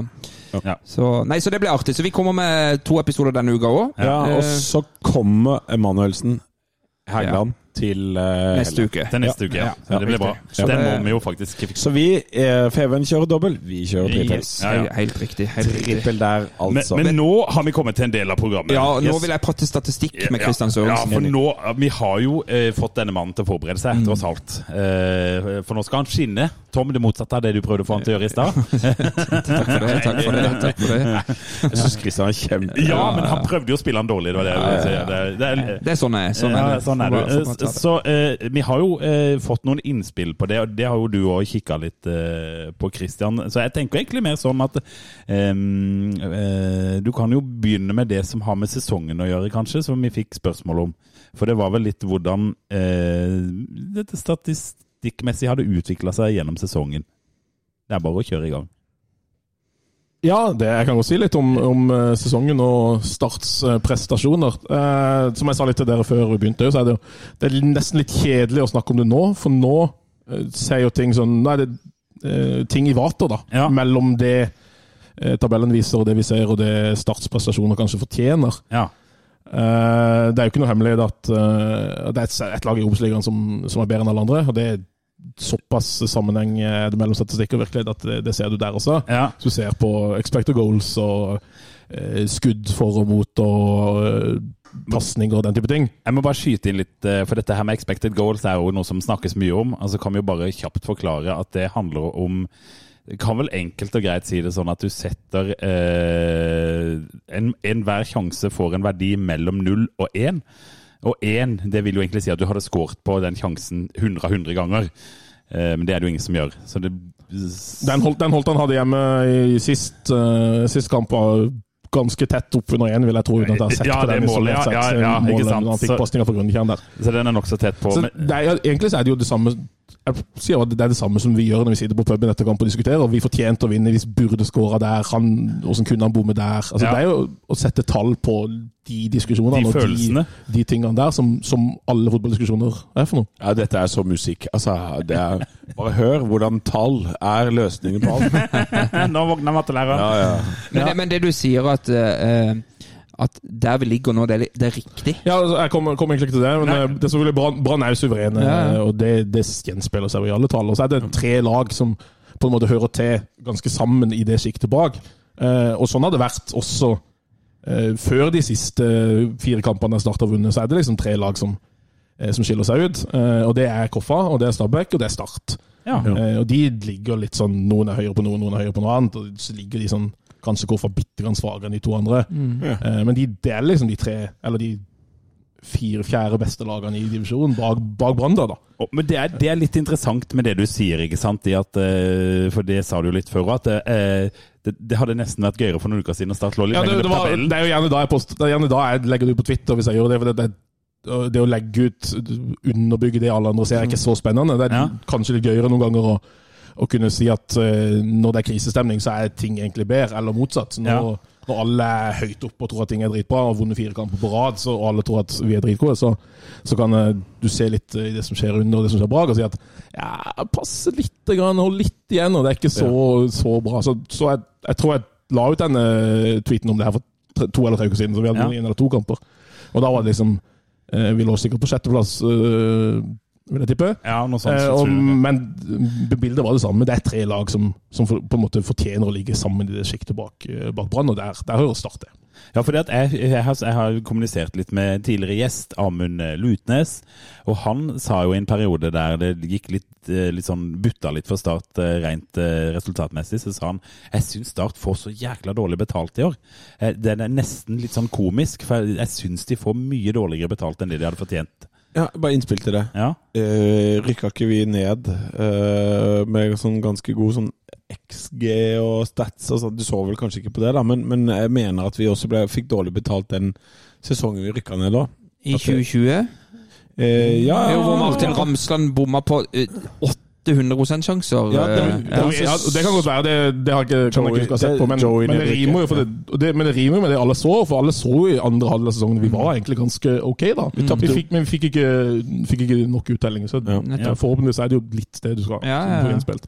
Men eh, til- til det Amund uh, sa, og til, til den greia der, da, så uh, Veldig mange sier jo at hvis vi går gjennom sesongen, så er det liksom det snudde borte mot uh, Ranheim. ja. Og Resultatmessig så gjorde de jo definitivt det. De siste minuttene der, vi ga bort uh, to mål, et langskudd et straffespark. og så uh, kom vi til neste hjemmekamp. Uh, da var det Raufoss, den var vi innom i stad. Eh, det var jo egentlig en, god, en ganske god kamp. Vi skaper veldig mye sjanser. Ja, Bedre enn den kampen vi hadde mot de nå. My, mye bedre enn den kampen vi hadde mot nå. Vi skaper mye sjanser. Eh, Vi slipper knapt til noen ting. De skårer to mål på de sjansene de har, omtrent. Eh, og en kamp som vi definitivt burde vunnet 3-4-1 under normale omstendigheter.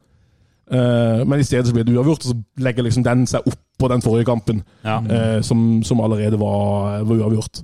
Eh, og så går vi til Bryne, eh, og den kampen er dårlig. Og Ja. den kan du på en måte se det, se det dårlig Den er statistisk sett, ja? Er, kanskje nærmere en uavgjort statistisk, men, Ja.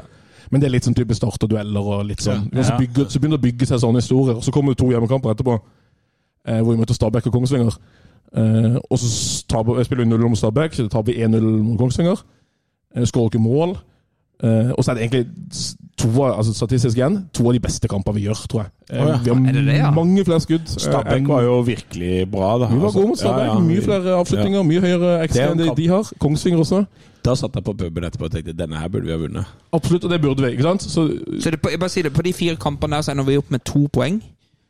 Ja. Men ut ifra dine uh, grafer Ja, det- så burde vi hatt atskillig mer. vi burde slått Raufoss, vi burde slått Stabæk og vi burde slått Kongsvinger i de tre.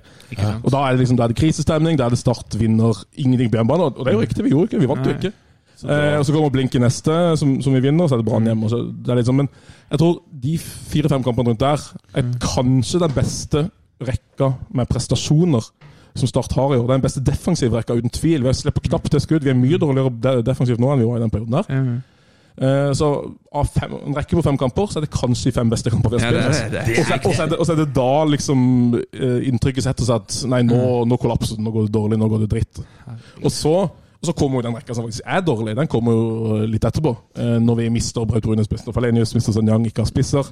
Og da er vi jo skikkelig dårlige. disse ja. sommerkampene Fredrikstad hjemme må jo ha vært eh, svak. Mjøndalen borte ble vi jo rundspilt, ikke Ja. så ille statistisk. Eh, Brann borte, greit nok. Eh, så kom Bryne hjemme igjen. Bryne er et unntak, denne gangen motsatt vei. Ja. Og så var vi borte på Kongsvinger, der var jo noen av oss. Eh, og så var det Stabæk, ikke sant. Ja, Og da var, vi, da var vi dårlige, og da fortjente vi ikke poeng. Og da om Ja, noe så da viser statistikken at da fikk vi som fortjente. Da fikk vi vel som fortjent, ja. Og Og, kanskje litt mer enn vi fortjente. Spesielt den Mjøndalen-kampen sitter igjen som er som et sånn eh, helvete. Men det er et, det er et ekstrapoeng som faktisk tall ikke klarer å vise. For hvis de kampene som du beskriver, hadde gått Starts favør, så hadde vi sittet med et mentalt overtak som Brann hadde når vi møttes. Så Start Brann i juli, hvis de kampene hadde gått vippa, det hadde jo vært en helt annen kamp. Ja. jo, nå, var, nå var jo egentlig Start Men Start var jo egentlig ganske ok hjemme mot Brann. Ja, ja, Hadde det endt uavgjort eh, Det var en litt personlig feil og litt, altså litt motsatt av Raufoss-kampen òg, egentlig. Det, det beste laget vippa han i favør, sin favør med noen små situasjoner. Ja, ja. Eh, så hadde den endt uavgjort, så hadde ikke det vært noe sånn kjempegalt å si på det. Men, men det hadde i hvert fall vært kampen mellom eh, første- og andreplass. Ja, absolutt. Altså, det hadde Og- vært en helt og, og, annen der, kunne vi, der tror, jeg- tror jeg vi kunne vært. Men den perioden i august som er dårlig, den er jo dårlig. Og da, men da er det mer Jeg tror det er, altså, det er mange ting som skjer på en gang. Vi har ikke spisser.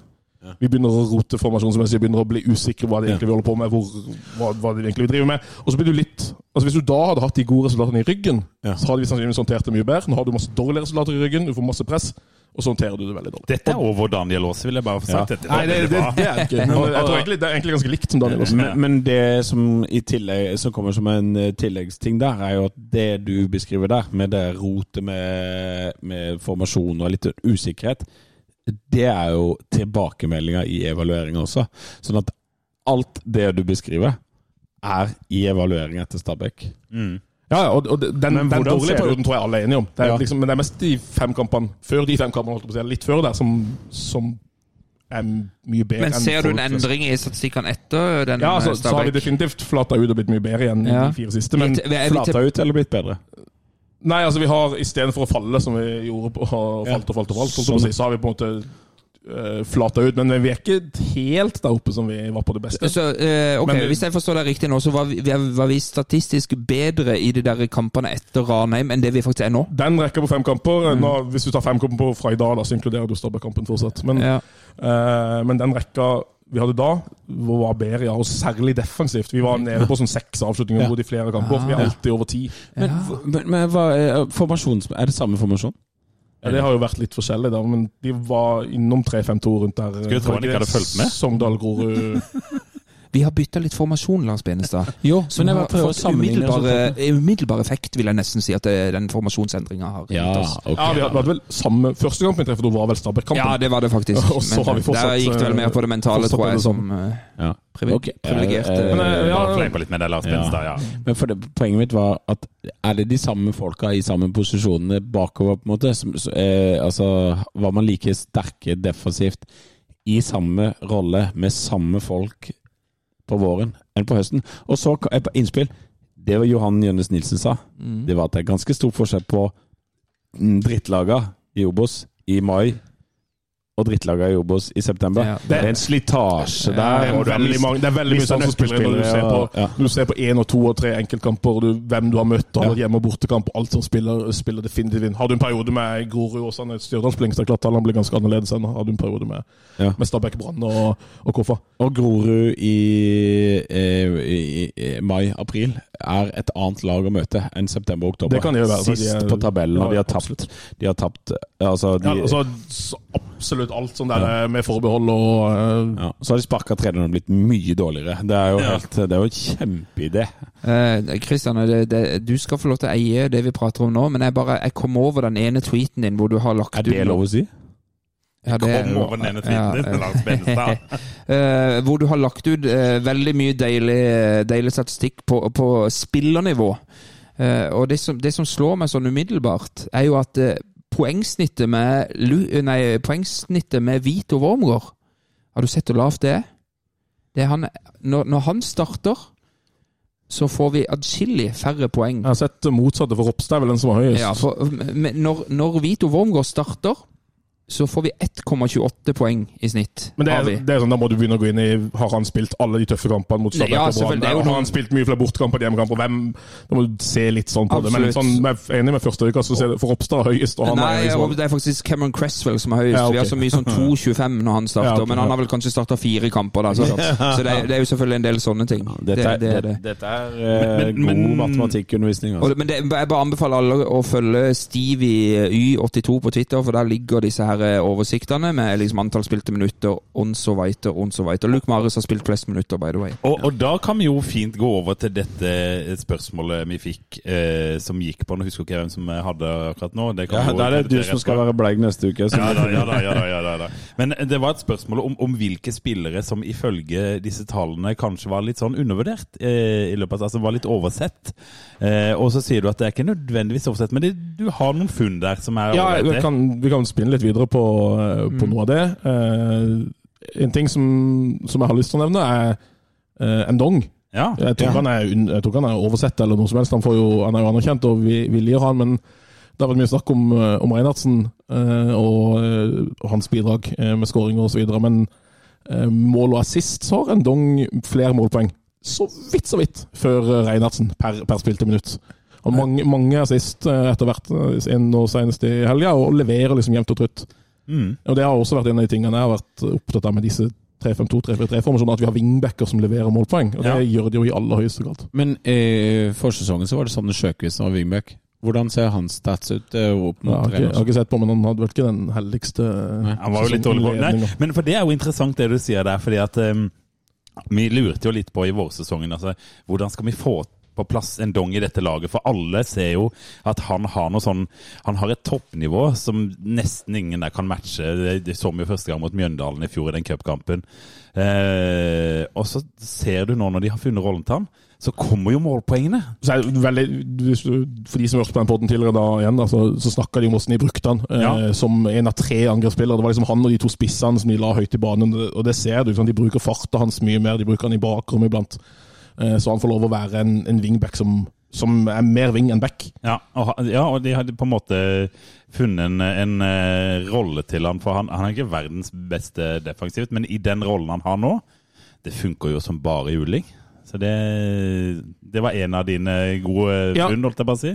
Tønnesen, eh, Kristoffer Tønnesen er også verdt å nevne. og Det er mer, det tweeta jo nylig, for hans eh, stabilitet og, og evne til å alltid være til stede. Han har starta 62 kamper på rad eh, i serien. Oi, det er- ja, Oi, den er sterk! Ja, du Det- det det er Ja, det det, ja. ja, det er faktisk Grimstad-gutter er en egen Han, han har vært inne, har vært inne i 79 kamper på, på rad. Uh, spilt uh, enten for start eller som innbytter. Og han hadde jo, I fjor spilte han hvert eneste minutt. Hvert minutt av 30 kamper. I år har han bytta ut helt på tampen i to kamper. så han er liksom på, mangler noen få minutter fra spilt hvert eneste minutt i to sesonger på rad. Det er underkommunisert. det er helt, det er helt enormt. Nå hør årets Ikke årets. Altså, det er en kjempeheid til Kristoffer Dønnesen. Ikke bare er han kaptein og alt det greiene der, og, og i all sin eh, blyghet. Står i en del og er aktiv på sosiale medier. Man har spilt faen meg nesten hvert eneste Ja, minutt. ja, absolutt. Det der. Så der blokken hans inn på Raufoss her. det eh, Helt nydelig. Der vil jeg ha det, kaptein Kristoffer Tønnesen. Men jeg tror han bidrar Jeg tror han er en veldig veldig viktig brikke i den kapteinsgruppa, selv om han kanskje ikke er den som er mest talkativ. Han er jo ikke han er jo ikke en podkastkonge i Oslo, liksom, men han er en eh, Men han er virkelig Betyr eh, mye mer enn det vi gjør. Ja, måte. Sånn det, det var er helt kult. nytt. Han har altså spilt seks, var det over 60 kamper? 62? 62 på rad som han har starta. Ja, det er sykt! Ja, og, og, og, og det, som, det som jeg syns eh, det vitner om òg, det vitner jo om en fyr som tar treningsjobben veldig seriøst. For da tar jo han eh, den restitusjonsjobben seriøst. Han tar treningsarbeidet sitt seriøst på vinteren. Han tar treningsarbeidet sitt seriøst i sesongen. Mm. for da, du er jo nødt til å ta godt vare på kroppen din Ja, ja, hvis du skal gal? klare å spille alle disse Det kampene. er, det er jo litt sånn som du først merker når du ikke gjør det. Ja. Eh, og så spiller jeg borte, men du, du tenker ikke nok på de som faktisk er der og spiller hvert eneste minutt, og imponerer hvor viktig det er å ha sånn i et lag. Ja, det dette og, synes og i forskjellige roller òg, som, man- som man gjerne gjør. Så, så Kristoffer Dønnesen, som har stått i det der greiene der, tenk hvordan han reagerte på Reinhardsen. da.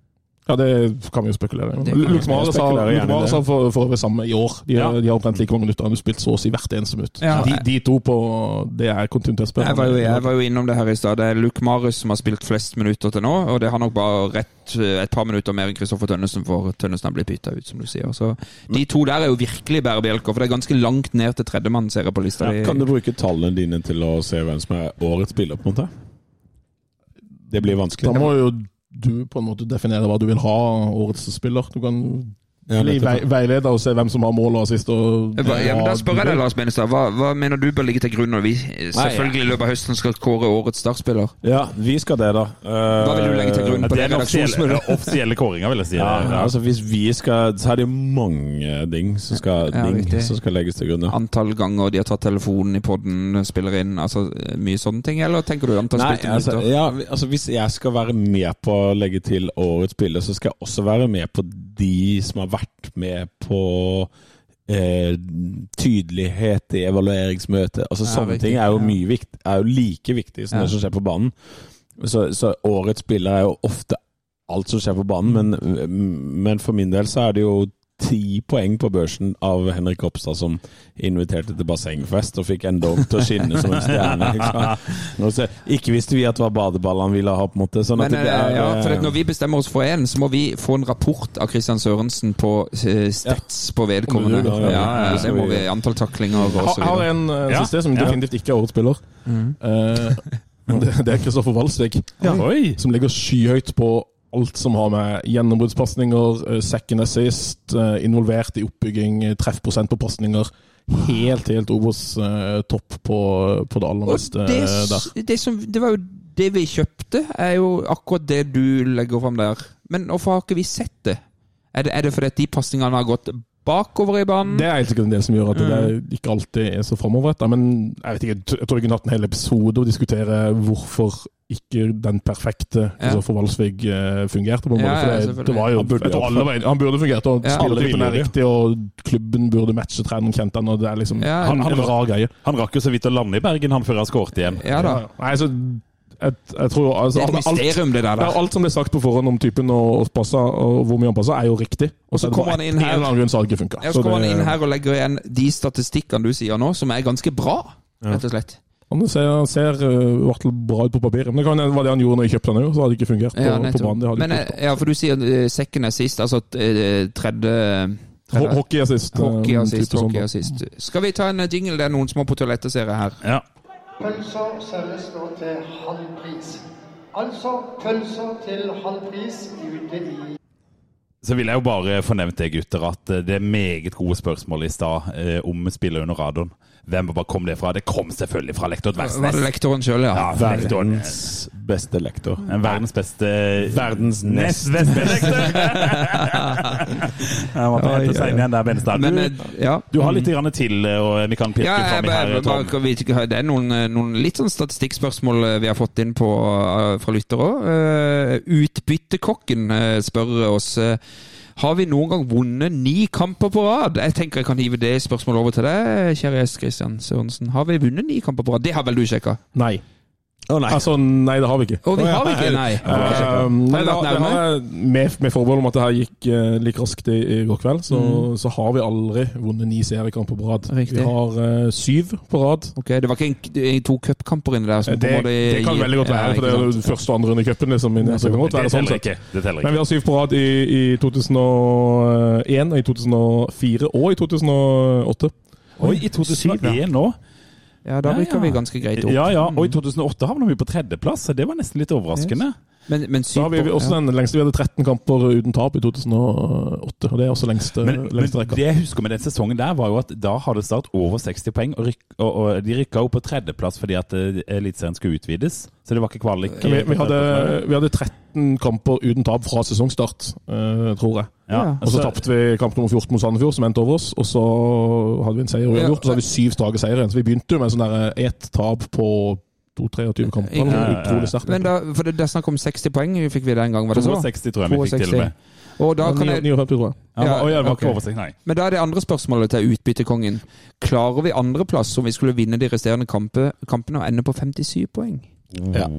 Klarer Vi Vi har vel drodla litt rundt det tidligere, om altså- sta, vi må ta fem poeng på Stabæk. Da må Stabæk avgi fem eller, fem eller seks poeng. Ja, det er målforskjellen også. de har litt bedre målforskjell Ja, men det nå, men det kan vi selvfølgelig ta igjen hvis vi vinner flere Ja, kamper. altså, Stabæk har Koffa uh, igjen. Ja, det kan det jo fort gå uavgjort, da. De har Koffa borte, og så har de eh, Sandnes Ulf borte. Ja. Eh, Det er to potensielle bananskall, tenker jeg. Men da Eh, må de tape en av de. Utover det har de Åsane, Ranheim og Mjøndalen. Ja, de må helst tape to kamper, da. Da har de avgitt seks poeng. Så si Ja. de taper de to bortekampene, da. Da må jeg, de ja. Jeg, Hvis jeg skulle satt poeng på Hvor mange poeng tar Stabæk resten av sesongen, så ville jeg sagt sånn 10-11-12. Ja, og jeg vil si nei. Vi, det holder faktisk ikke. Jeg tror ikke, jeg tror ikke Start vinner fem kamper. Nei. Og jeg tror selv om de gjør det, så tror jeg faktisk ikke vi blir nummer to. Nei. Ja. For det er- men, men jeg tror Start blir nummer tre. Det tror jeg også. Ja. Det tror jeg også. Men du vet jo alle altså, eh, Opprykket betyr enda mer i Bærum. Sånn at eh, det er noe eh, Det er noen nerver som kan spille inn i, i Stabæk der, som, som kan være mm, Ja, det kan Absolutt. Men, men nå, nå er de gode. De har fire seire uavgjort Ja. de fem siste. Og, Ja, ja jeg tror, Det- jeg, jeg tror de jeg tror kryss- også Stab- Jeg tror også Stabæk rykker opp, men jeg tror Start blir nummer tre. Og hva er det vi sier? Kvalik er opprykk. Start taper aldri en kvalik. Så de der jævla laga oppe i Eliteserien som ser at Start kommer nå, og de skjelver. Jeg har hørt at de tisser på seg, faktisk. Så mye Apropos eh, kvalik, Lars Binser, da er det spørsmål fra Svein Etternavn. Ja. Vil vi ha Sandefjord eller Hva sa HamKam? du at han het? Svein Etternavn heter han på Twitter. var han glemte å fylle inn det der andre. Vil vi ha Sandefjord eller HamKam i kvalik? Ja, diskut- Sørensen ja. kan svare på det. Jeg vil definitivt ha Sandefjord. Ja, dårlig, dårlig form og eh, kort reisevei fra Kristiansand og Oslo, for så vidt. Ja, da fyller vi. Eh, mens HamKam HamKam ligger langt nede, men de slipper jo ikke inn mål. HamKam har jo ingen baklengsmål og han ligger fortsatt eh, langt nede. De har, lyst til å møte sånt hvor mange uavgjort har de nå? Det er jo sånn 11-12-13 eller et eller annet. Det var jo sak i en eller annen avis i dag om at uh, HamKam hadde ikke klart noen ting etter at Kristian Eriksen Ja, én seier de siste, siste tolv. Ja. Det var en på, på Facebook som spurte Sandefjord, HamKam, Ålesund, Sarpsborg eller Kristiansund hvem du har lyst til å møte. Mm. Og det er jo definitivt samme svar. Jeg syns Sandefjord skiller seg soleklart ut. Og min nye bestevenn Johan Jønnes Nilsen sa jo det i forrige pod, faktisk, at eh, HamKam må vi ikke ønske oss, for de er litt for solide, rett og slett. Ja, litt, litt sånn tyngre å møte enn Sandefjord. Ja. Og, og, altså, og Sandefjord nå, de, de går liksom fra kamp til kamp til kamp nå, så Mm. er de er inne i en sånn lei HamKam eh, har også Jerv hjemme i neste, så de har Ja, jo tre poeng til. ja, ja, ja. Det det jeg, så, jeg så jo i helga vi, vi, vi kan jo nevne de når det går dårlig, men de, de leda 3-2 mot Sarpsborg. Så tenkte jeg i mitt stille sinn ja, men den taper de jo. Det gjorde de. Selvfølgelig. Ja. Jeg tror Jerv har HamKam og Ålesund de to neste, så det, skjer jo en del i, i bunnen der. eh. Ja, og det, det eneste jeg tror kan skje der, er at nå fikk jo Kristiansand, eh, Kristiansund pyl, pryl så det virkelig hamra etter i helga mot eh, Strømsgodset. Ja, det kan være de- litt stans i det der Ja, toget der. Så Altså. jeg tipper, at, jeg tipper at Sandefjord havner på den kvalikplassen, og det tenker jeg passer oss godt. Men det er mange Det er jo fortsatt Det er, det er sju kamper igjen i Eliteserien, eller? Ja. Så det er jo Eh, eh, 21 poeng, og så er det 6 poeng mellom Kristiansund og Sandefjord. Så hvis Sandefjord klarer å Jeg tipper at eh, Kristiansund tar mer enn 6 poeng. Ja, ja. Men, Ja, men, tror- det, ja, Men Sandefjord tar nok i hvert fall noen. seier. Og det, er, det å møte et Kristiansund-lag som kommer i skikkelig medgang inn i en kvalik Ja, det det-. Fordelen til Obos-laget i kvalik er jo at du har hatt en god sesong og har medgang. Ja. Er vi, vi er definitivt enige her, alle sammen, at vi helst vil møte Sandefjord. Og det er også ganske stor sannsynlighet for at vi gjør. Det er det. Men da, eh, Vi kan jo kikke kjapt på Facebooken her hva vi har eh, Ja, så må vi fått. også begynne å nærme oss en avslutning. ja, vi må det, men vi må ta med oss eh, Og her er det noen eh, vi har vært innom. Når vant Start sist fem kamper på rad? Har vi sjekka det? Ja, Det jeg snakka om i podder og vet ikke det. Eller det var fire på rad, kanskje. Ja, for det var tilbake for Eh, Kan det ha vært i, i, i 2019 at vi faktisk hadde en fire og fem på rad Du, jeg- jeg- jeg- Vi hadde fem på rad i 2019. Ja, hadde vi ikke det? Jo. Ja. Mm. Så det hadde vi. Eh, hvor stor er sjansen prosentvis for at Start rykker opp? Både direkte og via kvalik? Er det- altså, kvalik er det jo 100% Ja, 100% kvalik. Ja. Eh, da skal jeg komme inn og si at det er tre poeng ned til syvendeplass. Så vi, jeg sier ikke vi skal se bak ryggen og, og se det som er bak oss. Vi trenger ikke det. Vi ser opp og frem og tjo og hei og hei hå. vet du hva, Tom, du er verdens kjedeligste menneske. Ja, den, den var hard. Og så vil jeg ha en siste, for den syns jeg var litt gøy, eh, som ikke går på XG eller noen ting. Hvilke tre spillere er viktigst for Start akkurat nå, spør Frank Thomassen. Som har stilt mye gode spørsmål. Ja, Ja.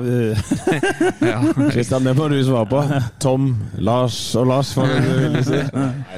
Ja, det er de, tre, de tre viktigste, aktørene i startmiljøet for, for tida. jeg sier Eh, Luke Maris. Enig. Eh, Jasper?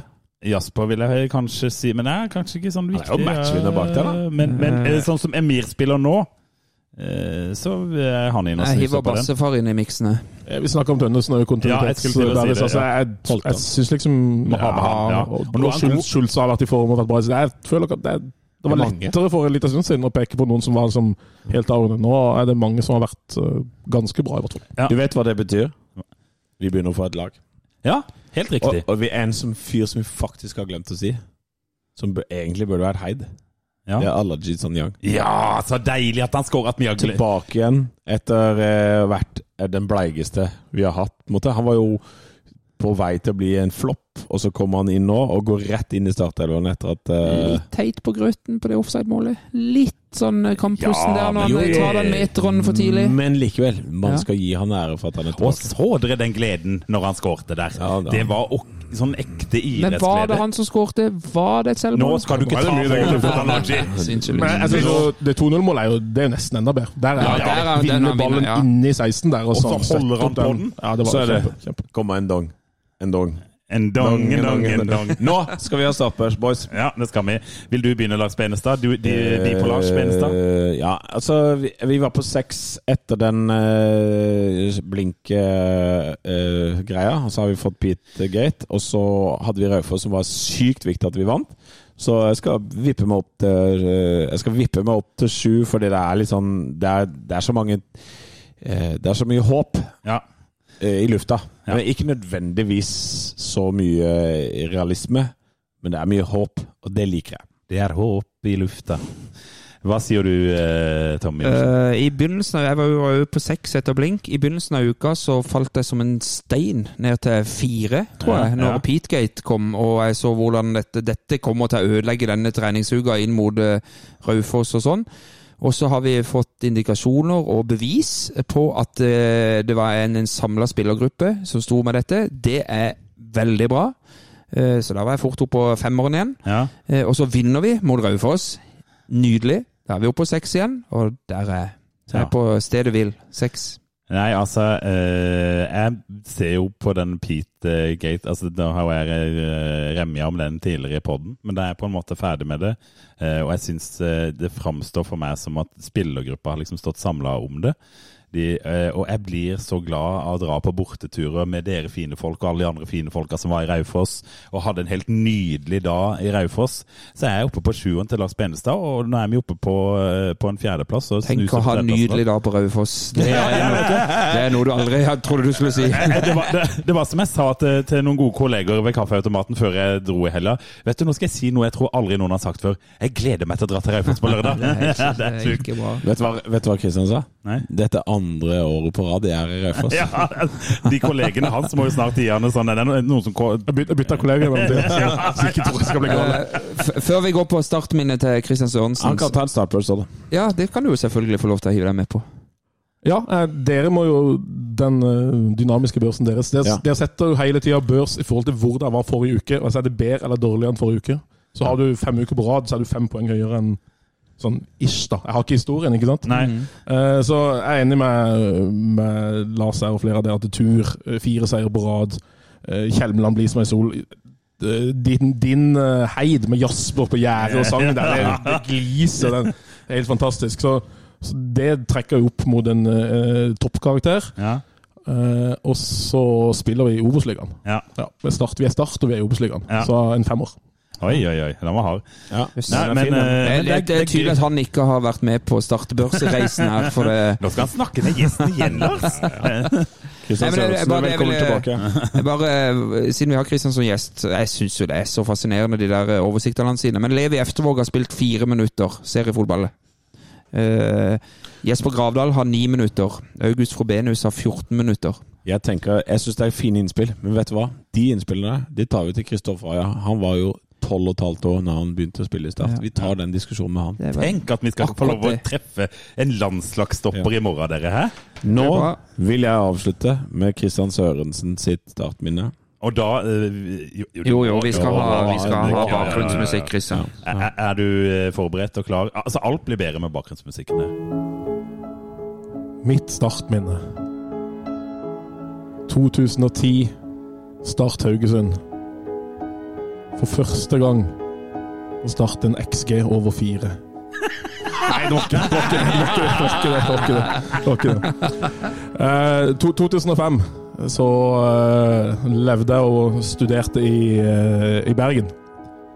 Eh, bodde sammen med en kamerat fra Oslo som heter Vålerenga, og en kamerat fra Kristiansand som heter på Start. Og sammen med en fjerdemann, også en kamerat fra, fra Kristiansand, som heter på Start. Så omtrent eh, på den tida her, slutten av september 2005, fant vi oss den billigste bilen du kan finne på Rent a Rack. Uh, satt oss eh, og to- to- tok turen over Haukeli, over fjellet, til Kristiansand eh, for å se på Start og Vålerenga. Det var en fantastisk eh, gutta på tur. Eh, Det var god stemning. Det var brente CD-plater som det var på den tida, med, med fotballsanger og musikk. Og eh, selvfølgelig eh, erting og pisspreik. Og eh, vi lå vel på det tidspunkt før kampen eh, tre poeng bak Vålerenga. Altså fem kamper igjen da. Eh, da vi kom ned dagen før kamp. En, på, på stadion, da. 14 000 tilskuere. Vi så bilder fra det her i stad. med at om var- Hvis jeg søker opp Start Vålerenga, så får jeg opp en nydelig reportasje med Jim Rune. Som kan, kan mimre litt. Eh, 14 000 mennesker, flomlys, ekstratribune med Tigerberget. Eh, Klanen gjemt bort rett ved siden av eh, sidetribunen, der, så langt unna som de, som de kunne komme. Eh, og en fantastisk En av de, en av de aller beste kampene Start har spilt. Eh, vi sier ofte at de, de leverer ikke når det gjelder, men, men her var det et lag som virkelig leverte når det gjaldt som mest. 1-0 med Valencia. 2-0 Amund Skiri hedda i eget mål rett før pause. Eh, og 3-0 eh, med, med sjefsklovnen sjøl, Fredrik Strømstad. Eh, og Start var på tabelltopp. Det var bare fire kamper igjen. Det, det kunne ikke gå galt. Det var, det var halvveis seriegull i lomma, liksom. Eh, og, og bilturen hjem. Tre smørblide sørlendinger. En ganske betutta Vålerenga-gutt som fikk høre det i samfulle x antall timer. I, og det er ganske mange timer du har en sånn liten uh, bil som går i maks 50 km i timen. Uh, nei, det var en, en helt fantastisk eh, opplevelse. En fantastisk fotballkamp, en fantastisk tur med, med veldig gode venner. Og alt, alt fotball skal være. Altså, jeg, jeg fikk ståpels uh, av dette her. Rett i, rett i min gade, du. Og, og så kan vi jo bare legge til, uh, siden du glemte å nevne det, dette var jo Starts 100-årsfeiringskamp. Det var, det var 26. september, Ja, tror jeg. Ja. eh, det var- 25. september, Ja. 25. september, tror jeg. Ganske i- nøyaktig 17 år siden, altså. Alt med den kvelden der var perfekt. Absolutt alt med den kvelden var perfekt. Jasp Jasper Silva Torkelsen var nesten ikke født engang. Jeg tror han ble unnfanga faktisk den kvelden. Nå må vi gi oss! nå Nå må vi gir oss. Heia Start. Heia Start! Jeg vil takke Kristian Sørensen først. Ja, tusen, Ja, tusen takk for at vi har fått invadere ditt hjem. Takk sjæl. Ja. Når som helst. Stopp ikke med statistikknerdinga di, vær så snill. Ingen fare. Nei, ingen fare. Nei, det er godt. Ja, Jeg har kjøpt meg sånn Wisecout-abonnement for 2500 eller noe sånt. Nå må vi invitere deg opp til det. Ja. Helt nydelig. Jesper Gravdal, ni minutter der, altså. Heia Start. Heia Start. Heia Start. Heia Start.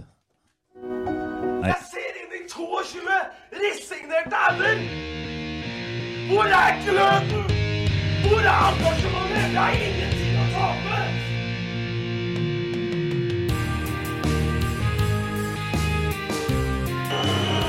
Ja, forlenges tid på Martin Ramsland. Skal du sette etter? Og så gjør han det! Martin Ramsland! Har du sett? Han kommer til å bli større enn